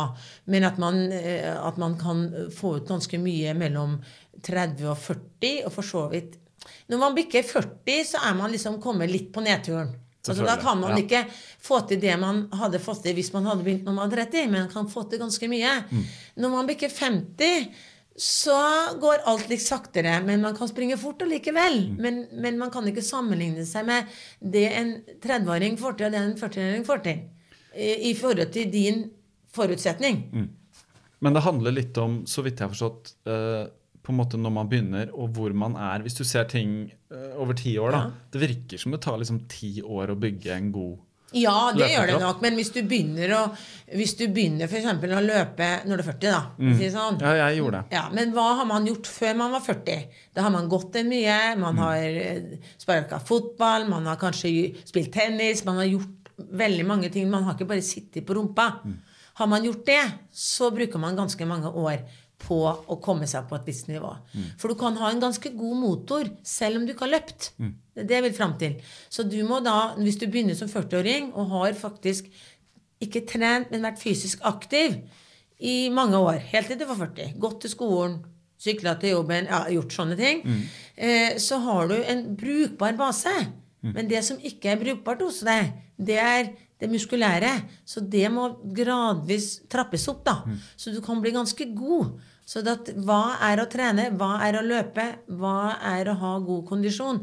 Det å gå i marka, gå i fjellet, det gir deg enorm kondis og grunnlag for å kunne bli en god langdistanseløper. Men det er mange som tenker trening, det er trening. Og så er det tur. Og de andre tingene, det er liksom ingenting. Men det er faktisk totalen der som, eh, som er eh, ganske viktig. For det er Jeg mener sjøl i hvert fall at jeg ble så god som jeg ble fordi at jeg vokste opp i en familie hvor vi gikk veldig mye tur. Vi gikk en uke i fjellet hver sommer. Vi gikk en uke i, eller nesten en uke i fjellet i påska. Gikk tur. Ja. Det var liksom en del av å gikk til skolen, sykla til skolen. Jeg gjorde liksom alltid hva og sparka fotball, eh, drev med alt mulig sånn lek, eh, lek i gata, som, som bygde kondis. Og det er det veldig mye mindre av i dag blant barn og ungdom, da. Det er det jeg tenker òg, med så mye TV, eh, Ja. telefoner, sånne ting, Ja, ja, som gjør det- at du passiviseres og sitter. Ja, så Altså, de, de vil jo da ha et mye dårligere grunnlag. Så kan du si hvis de hopper da inn i f.eks. Eh, mitt treningsprogram når jeg var 14 år, hvis de er 14 år, så vil de jo bli rævakjørt, eller de vil jo bli- skada, eller det går ikke. Og de har kanskje ikke gleden av det heller. Så det må, man må jo tenke det. Hva har man gjort? Jeg er jo så f- øh, freidig å si at en, en, eh, en eh, 40-åring i dag er i dårligere form enn en 40-åring eh, for 30 år siden. Selv om den 40-åringen for 30 år siden trente ikke, men gjorde alle disse huslige, vanlige aktivitetene. Man hadde ikke to biller i familien. Altså Man gikk og gjorde ting. Men ikke spesifikt, men altså grunnkondisen var bedre hos de. Hogga ved, mokka snø, klippa gress, gikk. Ja, gjorde de Vaska ting. trappa, Ja. Altså, nå er vi mer opptatt av at når vi trener, så trener vi. Ja. Eller så sitter vi i ro. Ja. Eh, Da var det totale tida vi var i aktivitet, er mye, var mye større den gangen. Og sånn var det med meg når jeg var 13, 14, 15, 16, 17, 18 år. Jeg var jo på trening. Men jeg gjorde jo så mye annet som også egentlig barn og ungdom i dag kaller trening. Som ikke jeg kalte trening. Sånn at der er det jo Og ungdommen i dag kan jo kunne få det. Sånn er jo verden blitt. Men vi må på en måte uh, kurse dem eller lære dem at uh, det er kanskje litt lurt at du uh, går litt eller sykler litt. For nå er det jo veldig mange som har sånne hjul som går med motor. Som står på, ikke Som sant? står på. Ja. Og så sier jeg, jeg vet jo at den trener en del disse her som sier du, det der var jo kanskje litt dumt å bruke, har ikke du lyst til å bli god skiløper? Ja, men jeg trener så mye allikevel. Ja, men hadde du gått uten å stå på der, så hadde du fått litt ekstra trening, sier jeg, vet du. Da ser de bare på meg som en fossil. Ja. Jeg ja, jo men altså, på det er jo logikk. Ja. Jeg tenker på det, jeg ser de sparkesyklene Ja. de kjører rundt på nå, som er elektrisk, og de hjula og Ja, ja. alt mulig sånne ting. Så tenker jeg altså, Den eneste gangen jeg på en måte ikke beveger meg eh, kroppen, men beveger meg, da er jeg på en buss eller Ja, en bil. Ja, jeg ville liksom ikke, Og det er for å komme de lengre distansene. Eller så sykler jeg, eller så går jeg, eller så løper jeg. Men bare å gå. Skal ikke undervurdere å gå. gå og gå er jo egentlig sone 1-trening. Gå er en sone 1-trening. Det er derfor Ja. jeg sier til folk gå. Hvis dere er redd for å få vondt i knærne, f.eks. Ja, ja, ja. Begynn å gå i motbakke. Ja, du bor der og der, så ja, da kan du gå Mm. hjemmefra opp til eh, Holmenkollen, Frognersetra, og så kan du ta T-banen hjem. Mm. For da slipper du å få belasta knærne dine. Går du oppover, så har du T-banen hjem. Det er mye bedre trening det er mye annet som du gjør, som du har tenkt å gjøre. Mm. Men du må begynne der. Sånn at, eh, men, men det kaller de ikke trening, vet du. For det er liksom å gå. Ja. Liksom du- godt, vi, rusler, vi snakker ikke om å rusle. Vi snakker om å gå sånn at du må Ja, ja, føle at du skal ha en dusj når du kommer hjem. Da. Sette opp farta. For du kan faktisk gå ganske fort. Ja, jeg vokste opp med en far på nesten to meter. Så da jeg var liten og vi gikk tur, så måtte jeg gå ganske fort. Det må ha vært en fordel for deg. Det, der, det, det begynte allerede der. Du skulle henge med han. Jeg også er sånn som typisk går fort. Så liksom, jeg ser det at hvis jeg går med min kone og mine barn, så er jeg gjerne to skritt foran. For det er liksom Kom igjen, Ja, liksom. jo da. Men jeg altså- ser jo verdien i å kunne gå sånn som min yngste på nå seks da siste år i barnehagen, ville jo bare gå sakte til barnehagen og ta Ja, omveier, liksom. For Ja. det er gøy å bare utforske. Ja, Så vi skal men jo- la, liksom, ja. det er en fordel. Jeg har et, barne, et par barnebarn, jeg også. Vi går til barnehagen, og han yngste er bare ett og et halvt år. Mm. Og han går av og til 1,5 km. Men vi bruker jækla mye tid. Men han, det er jo en fordel at la han få lov til å gå så lenge han vil, for det blir tidsnok at han ikke vil. Ja, det er sant, det. Ja. Nei, Jeg ser det, akkurat det der jeg har tenkt på også. Jeg ser Når mine barn løper, måten de løper på, er det mest naturlig. naturlig. Og det er fantastisk Ja. å se. Og når jeg begynte å løpe på en måte igjen, nå jeg løper jo som barn ikke sant, i friidrett, sånn, men slutta når jeg var som 14-15. Mm. ja. Det er vanlig. Eh, Det er ja, vanlig. ikke sant, typisk. Begynte å røyke og sånn. Og så eh, begynte jeg å løpe igjen, og det var, sånn- jeg måtte liksom gjenoppdage den derre Hvordan løper man? løper du, ja. Ja. Og da ble jeg veldig opptatt av Og jeg har ikke vært skada. Det, det tror jeg fordi at jeg ble opptatt av å på en måte ha et litt sånn naturlig løpesett. Begynte heller med litt sånn korte skritt. Mm. Ja, ja, ja, raske for- skritt. Altså Selv om det ser litt rart ut, liksom, så Ja. var ikke den der demping i Lange, skoa nei, og ja. lange, tunge tak. Du. Ser, jeg ser det, du kan se det hvem som løper, hvem som på en måte har naturlig løpesett og ikke. Jeg kan, kan på en måte se hvem som nettopp nå Mm. Har begynt, ja. ja. For at det er sånn, når de løper, så skal det liksom Være også en veldig høye kneløft. Er det Veldig, noen som har ja, så, ja. så da tenker jeg oi, det her har gått på et kurs for å lære seg å løpe som en sprinter. Ja. Men hvis du har lyst til å tenke å springe sentrumsløpet eller en fem kilometer eller noe annet, så må man faktisk springe litt annerledes, for ellers blir man utslitt ganske fort. Man må løfte bena minst mulig og tenke framdrift og ikke oppover. For at da, hvis du veier da eh, kanskje som veldig mange mener veier fem kilo for mye, og løfter seg opp og ned, så blir det innmari tungt. Mm. Veldig. Mm. Hvis du tenker framdrift den veien, så vil det jo bli mye bedre. Jeg husker jeg leste noe som var veldig sånn uh, aha-opplevelse for meg. Det var liksom Når du skal begynne å løpe, så bare stå stille, og så bare lar du deg falle litt. Mm. Og så når du må sette første skrittet for å holde balansen, Så har du litt sånn ja, passe vinkel. ja, så er du liksom i den flyten. At du bruker litt sånn, du kan faktisk bruke tyngdekraften litt Mm. for å bare få det framover. Det er veldig mange altså, som uh, Men det er jo det at man ikke løper Du får jo en naturlig løpesett for deg selv Mm. når du løper litt, og ikke løper for fort. For jeg er også opptatt av at eh, skal du, det, men, Hvordan skal løpe riktig? Så Det er egentlig ingen måte å løpe riktig på. Riktig for deg kan være feil for meg, og motsatt. Men du må finne en stil som passer deg. Hvis du ser på et eh, 10 km-løp, og du ser verdens beste løpere, ingen som løper likedan. Så sånn er det med oss, alle oss andre òg. Men du må finne riktig stil. Og den riktigste stilen får du hvis du ikke springer for fort. Altså hvis du springer i flyt, hvor du kjenner at det, du kan flyte på steget, da løper du riktig. Kjører du ha altfor harde intervaller, så blir det krampe. Da høyser skuldrene, og du får høye kneløft. Og da blir det veldig fort at du ikke løper riktig. Så da at, pass på at ikke det blir for fort, for da får du en god løpsøkonomi. For den gode løpsøkonomien vi er interessert i. Mm. Så, så for deg, spr- springe maraton med minst mulig krefter, kom deg fortest mulig frem. God løpsøkonomi. Og den får man når man løper nok i en sånn hva skal jeg si, litt behagelig, Ikke veldig behagelig, men litt behagelig fart. Litt fortere enn en enn langturen, for da blir det stamping litt. Ja. Men da er det mer for å få fettforbrenninga i gang. Men når du springer da den der, la oss si en eh, oppstykket hurtig langtur, da, to ganger ti minutter med bra fart med fem minutter jogg imellom, så har du litt mer snert og driv.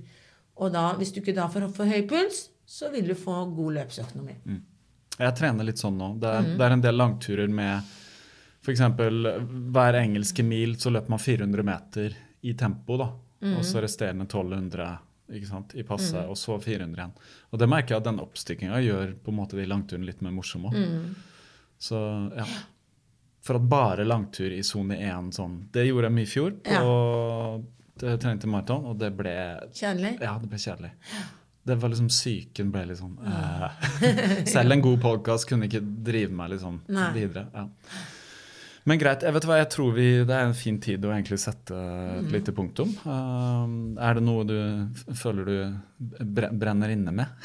Så Nei, jeg har vel Nei. fått sagt det. Altså, det jeg er opptatt av at folk skal ha det gøy. Altså, at de ikke skal trene for hardt. Og så eh, starte der de er, og bygge seg opp gradvis mot det målet de har.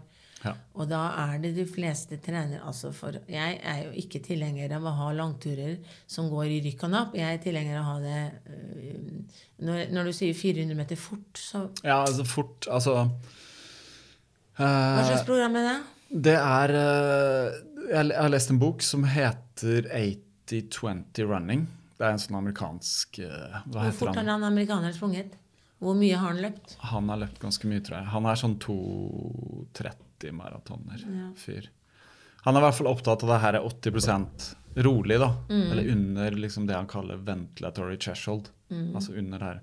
Og så resterende 20% skal være ganske fort. Men han sier også Jeg ser programmet legger opp I begynnelsen så er det 90-10.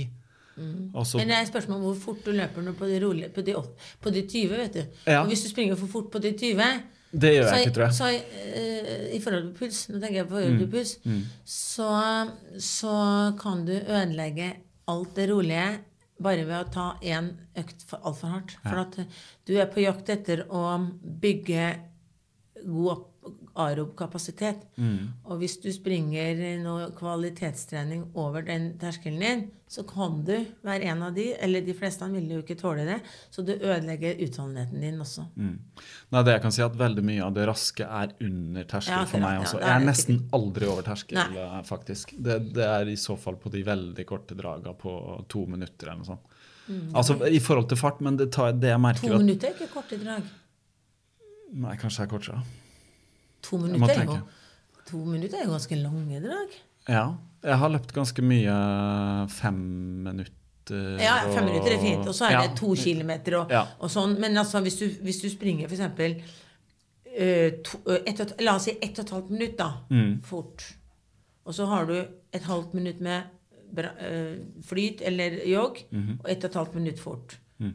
Halvt minutt. Så det er veldig enkelt å følge med, for da har du hvert, hvert andre minutt, så starter du opp. Ja. Eh, og det ser jeg at veldig mange er uvant, for de er vant med å jogge veldig rolig i pausen. Men når du får dem beskjed om å springe litt, sakte, litt fortere i pausen, så blir det, det blir en pulskurve som er eh, eh, litt sånn Minst mulig ned, da. Ja. På en, sånn. Jeg har en engelskmann som jeg jobber med litt nå. Han, eh, han skal liksom prøve å sette, springe fortere ned av sprunget. Han har ikke gjort det ennå. Og så kommenterte jeg han som trente, og han ble liksom sint i begynnelsen. Så skrev jeg til han om hva han som skulle gjøre det. Og nå, senest rett før dro syklene ned her nå, så, så sa han du, nå skal jeg løpe en konkurranse i helga. Hva skal jeg gjøre i dag? Og jeg tenkte jøss, spør han om det nå? For at det, det står det på programmet mitt, men Jeg har satt opp et program til henne. Eh, men, men jeg visste jo ikke at han hadde tenkt å springe en konkurranse på søndag. Når, han, når jeg satte opp det programmet. Så han heldigvis begynte å tenke i min måte å tenke på da, at det ble for hardt. Så jeg, hva gjør jeg i dag? Da måtte jeg bare skrive til henne at da må du gjøre sånn og sånn. Og du vil helt sikkert synes det er for lite trening. Men du skal være fresh når du springer det løpet. Og det løpet, da snakker vi ikke om puls i hele tatt. Da er det bånn pinne. Da skal jeg love deg at du springer fort.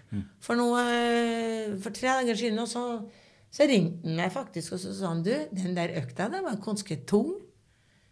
Ja, den var tung. Jeg så, så det på deg. At han måtte ta en ekstra pause midt i. Mm. Men jeg har jo da, følger jo de der som jeg følger med, på Garmin Connect. Ja. For hver kveld så ser jeg jo de, og så ser jeg, og så er det jo i starten så har de jo Først så har de eh, Når jeg begynner å jobbe med folk, så har de oppvarming et kvarter, og da starter de én økt. Ja. Og så stopper de, og så begynner de på ny, og så er det Mm. økta. Og så sier jeg, vet du, det orker jeg ikke. Jeg orker ikke ha tre økter. Nei, nei. Jeg vil ha alt på én, for jeg har min måte å analysere dette her på. Mm. For da ser jeg Jeg ser når du har stått i ro. Og jeg ser når du tar en pause, og jeg ser når du er på do, og alt det der. Mm. Men jeg ser trenden. Og gjennomsnittsfarten ser jeg ikke på i hele tatt. Den er helt uinteressant for meg. Du ser på pulskurven, eller? Ser jeg pulskurven, så Ja. ser jeg hva de springer på når de løper, og forhold til puls. For det er veldig mange som Du kan bare legge merke til alle som stopper klokkene sine til enhver tid. Ja, det og det er jo for gjennomsnittsfarten, det er ikke for noe annet. For å se fint ut på Strava. Men faktisk, jeg tror, eh, for de som hører på som er opptatt av Strava jeg tror Selv om du ikke stopper klokka, så vil Strava kutte ut den pausen. Jeg tror den registrerer når det ikke er noe fart. Altså når Men Det har de sikkert det har de kanskje, Enten hvert er det Garmin eller Strava. En av de. Ja, du eh, kan nok stille inn det, men, Ja. men det er liksom Det er noe med at hva, hvem er det du trener for? Mm. Er det for å imponere noen på en eller annen økt på Strava Mm. eller Garmin? Eller er det for at du selv skal bli bedre til de løpet du trener mot? Mm. Det tror jeg er faktisk en ganske nøkkelspørsmål i dag. Det for burde være det siste, da. Altså, ja, det burde være det, det siste. være det. Men av Det og til, jeg har jo hatt med meg. jeg har hatt med meg folk på treningsturer Mm. i utlandet. Vi har vært et sted, og så skal vi ha intervaller. En sånn gjeng med damer, da. Noen Mm. mosjonister. Og så plutselig så er det ei som sier Nei, jeg kan ikke være med på den intervallen i dag. Å, hvorfor ikke? Nei, jeg skal prøve å slå venninna mi. Hun er et Strava-punkt her. Oh, ja. En strekning på en kilometer. Jeg skal ta den i, i dag. Ja, ja. Og da tenker jeg ja, ikke sant. Skal være best på den. På akkurat den strekningen nedi Hvem er det som springer fort der, da? Nei. Det er samme som eh, under VM på sykkel. Ja. Så ble jo alle som sykla i Bergen, helt fortvila. For det var jo mange strekninger som de ikke hadde sjans til å ta. For da var jo verdens beste syklister hadde sykla. Som hadde, tok de segmentene. Strava, ja. Ja, ja. Sånn at det, det, er, det er bare dessverre Vi er rare dyr, vet du. Veldig. Mennesker. Så vi blir opptatt av kanskje litt feil ting innimellom, og så blir vi dratt inn i det. Om vi vil det eller ikke. Så jeg bare Jeg sier ikke at det er noe bedre. Jeg sier bare at det er veldig lett for å gå inn i den der farlige der. At vi mister fokus på hva egentlig vi ønsker, og at vi skal ha det gøy.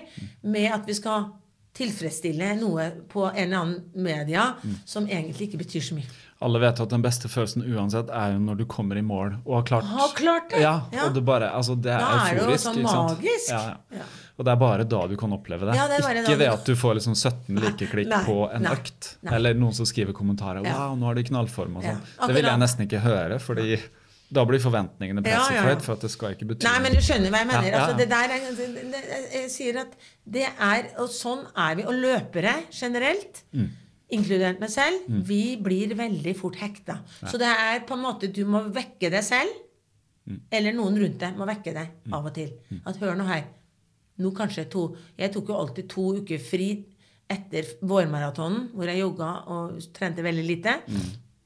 Så tok jeg nesten en måned fri etter høstmaraton. Hvor hele november trente jeg ikke i hele tatt. Altså, I starten så tenkte jeg hvordan skal jeg greie det?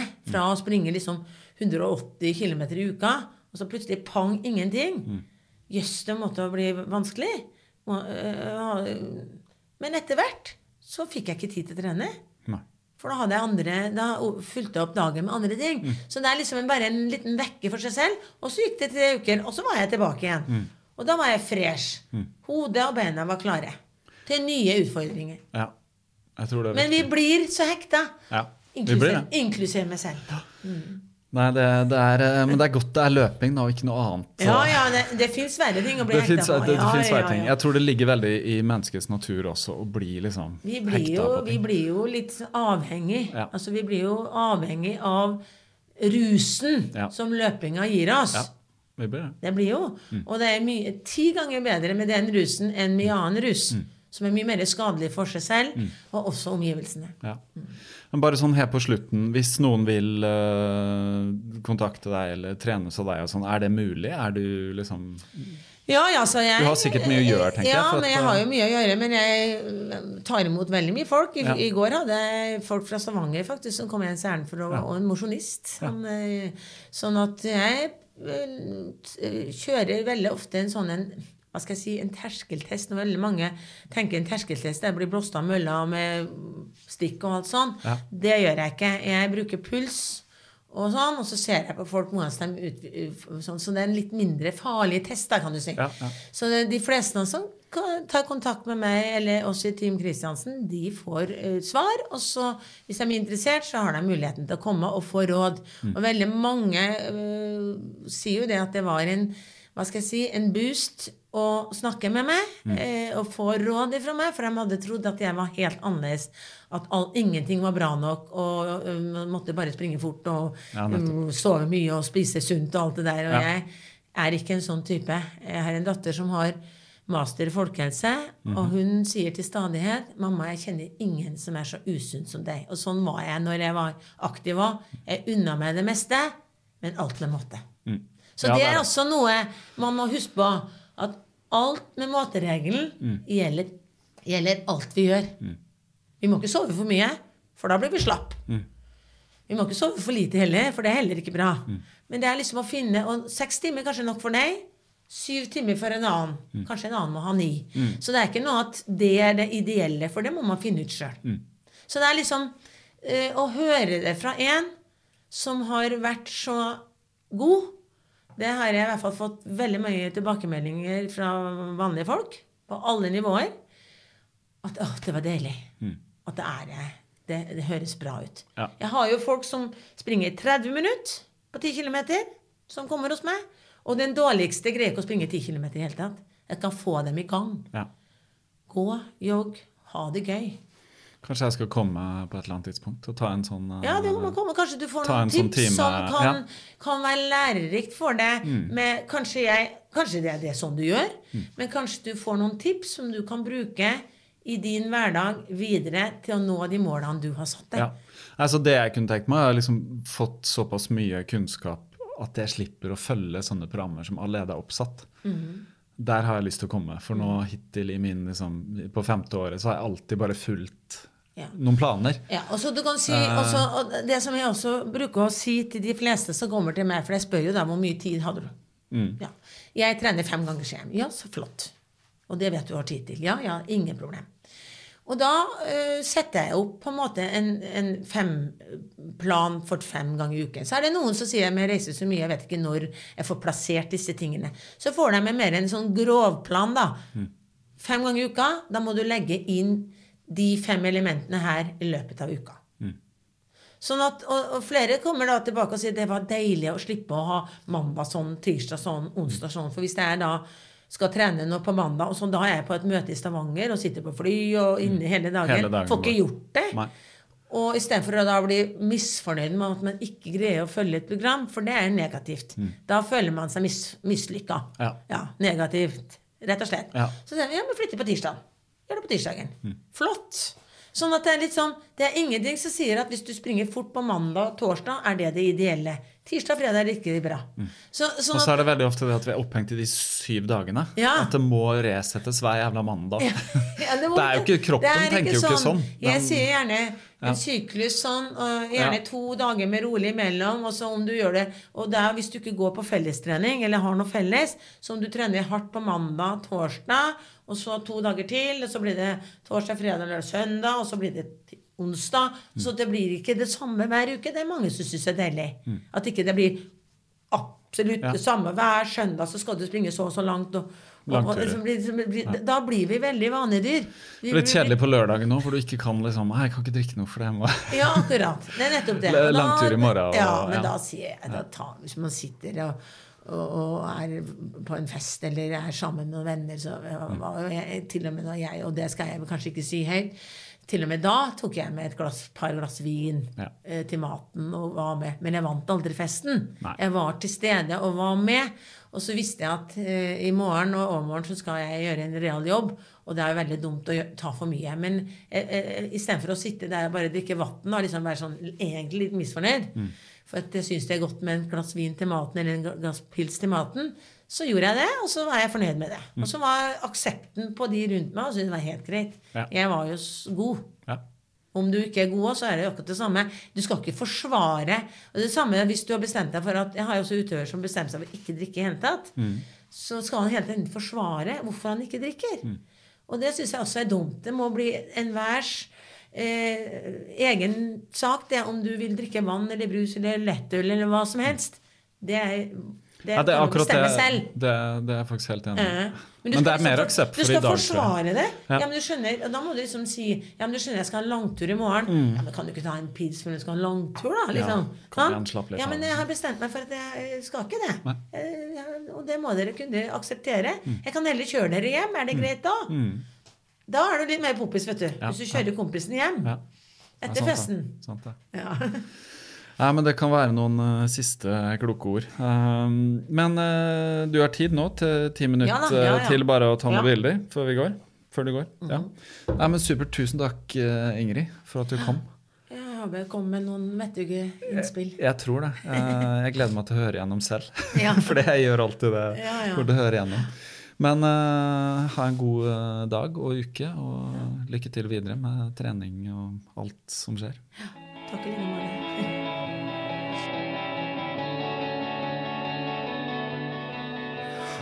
Uh, uh. Nå er det kanskje noen som svimler, eller? Jeg syns det var kjempegøy.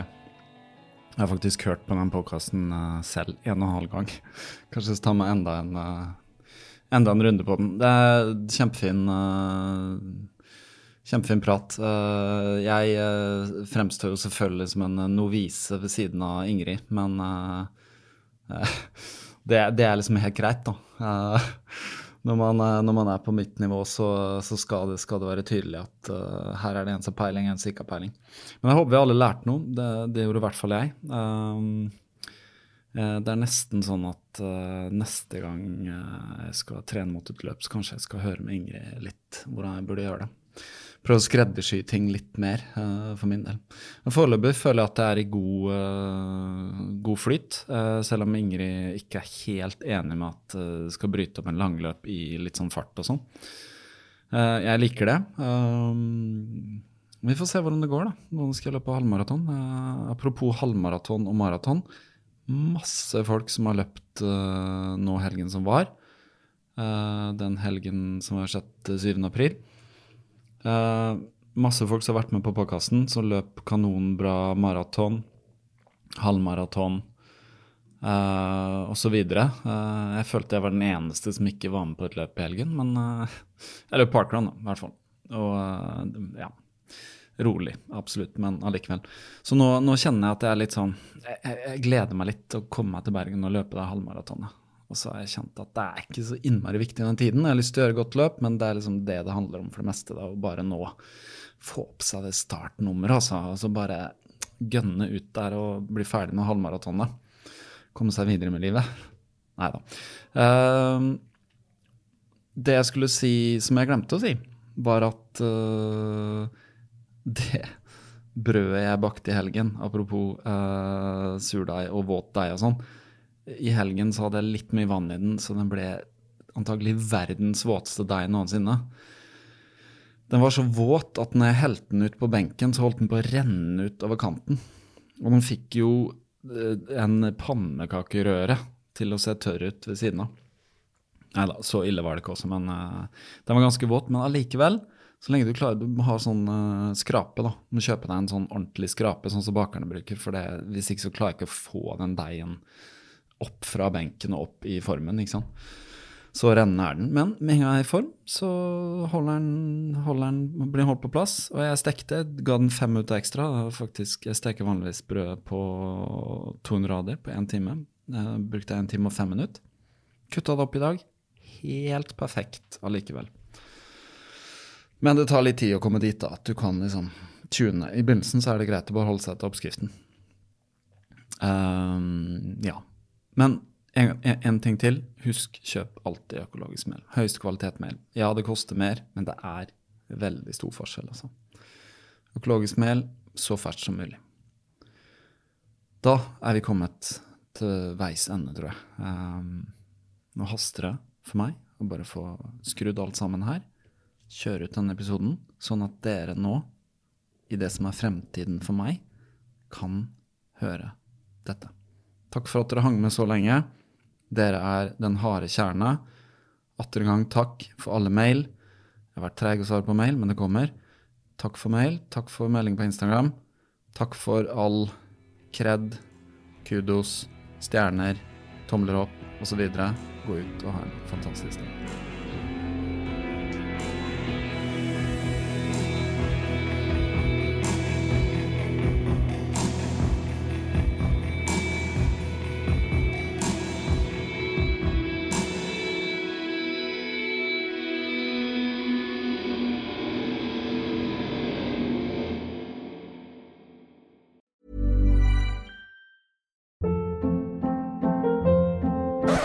Up. What was that? Boring. No flavor. That was as bad as those leftovers you ate all week. Kiki Palmer here, and it's time to say hello to something fresh and guilt-free. Hello Fresh. Jazz up dinner with pecan-crusted chicken or garlic butter shrimp scampi. Now that's music to my mouth. Hello Fresh. Let's get this dinner party started. Discover all the delicious possibilities at hellofresh.com. Even when we're on a budget, we still deserve nice things. Quince is a place to scoop up stunning high-end goods for 50 to 80% less than similar brands. They have buttery soft cashmere sweaters starting at $50, luxurious Italian leather bags, and so much more. Plus, Quince only works with factories that use safe, ethical, and responsible manufacturing. Get the high-end goods you'll love without the high price tag with Quince. Go to quince.com/style for free shipping and 365-day returns. Why don't more infant formula companies use organic, grass fed whole milk instead of skim? Why don't more infant formula companies use the latest breast milk science? Why don't more infant formula companies run their own clinical trials? Why don't more infant formula companies use more of the proteins found in breast milk? Why don't more infant formula companies have their own factories instead of outsourcing their manufacturing? We wondered the same thing. So we made ByHeart, a better formula for formula. Learn more at byheart.com.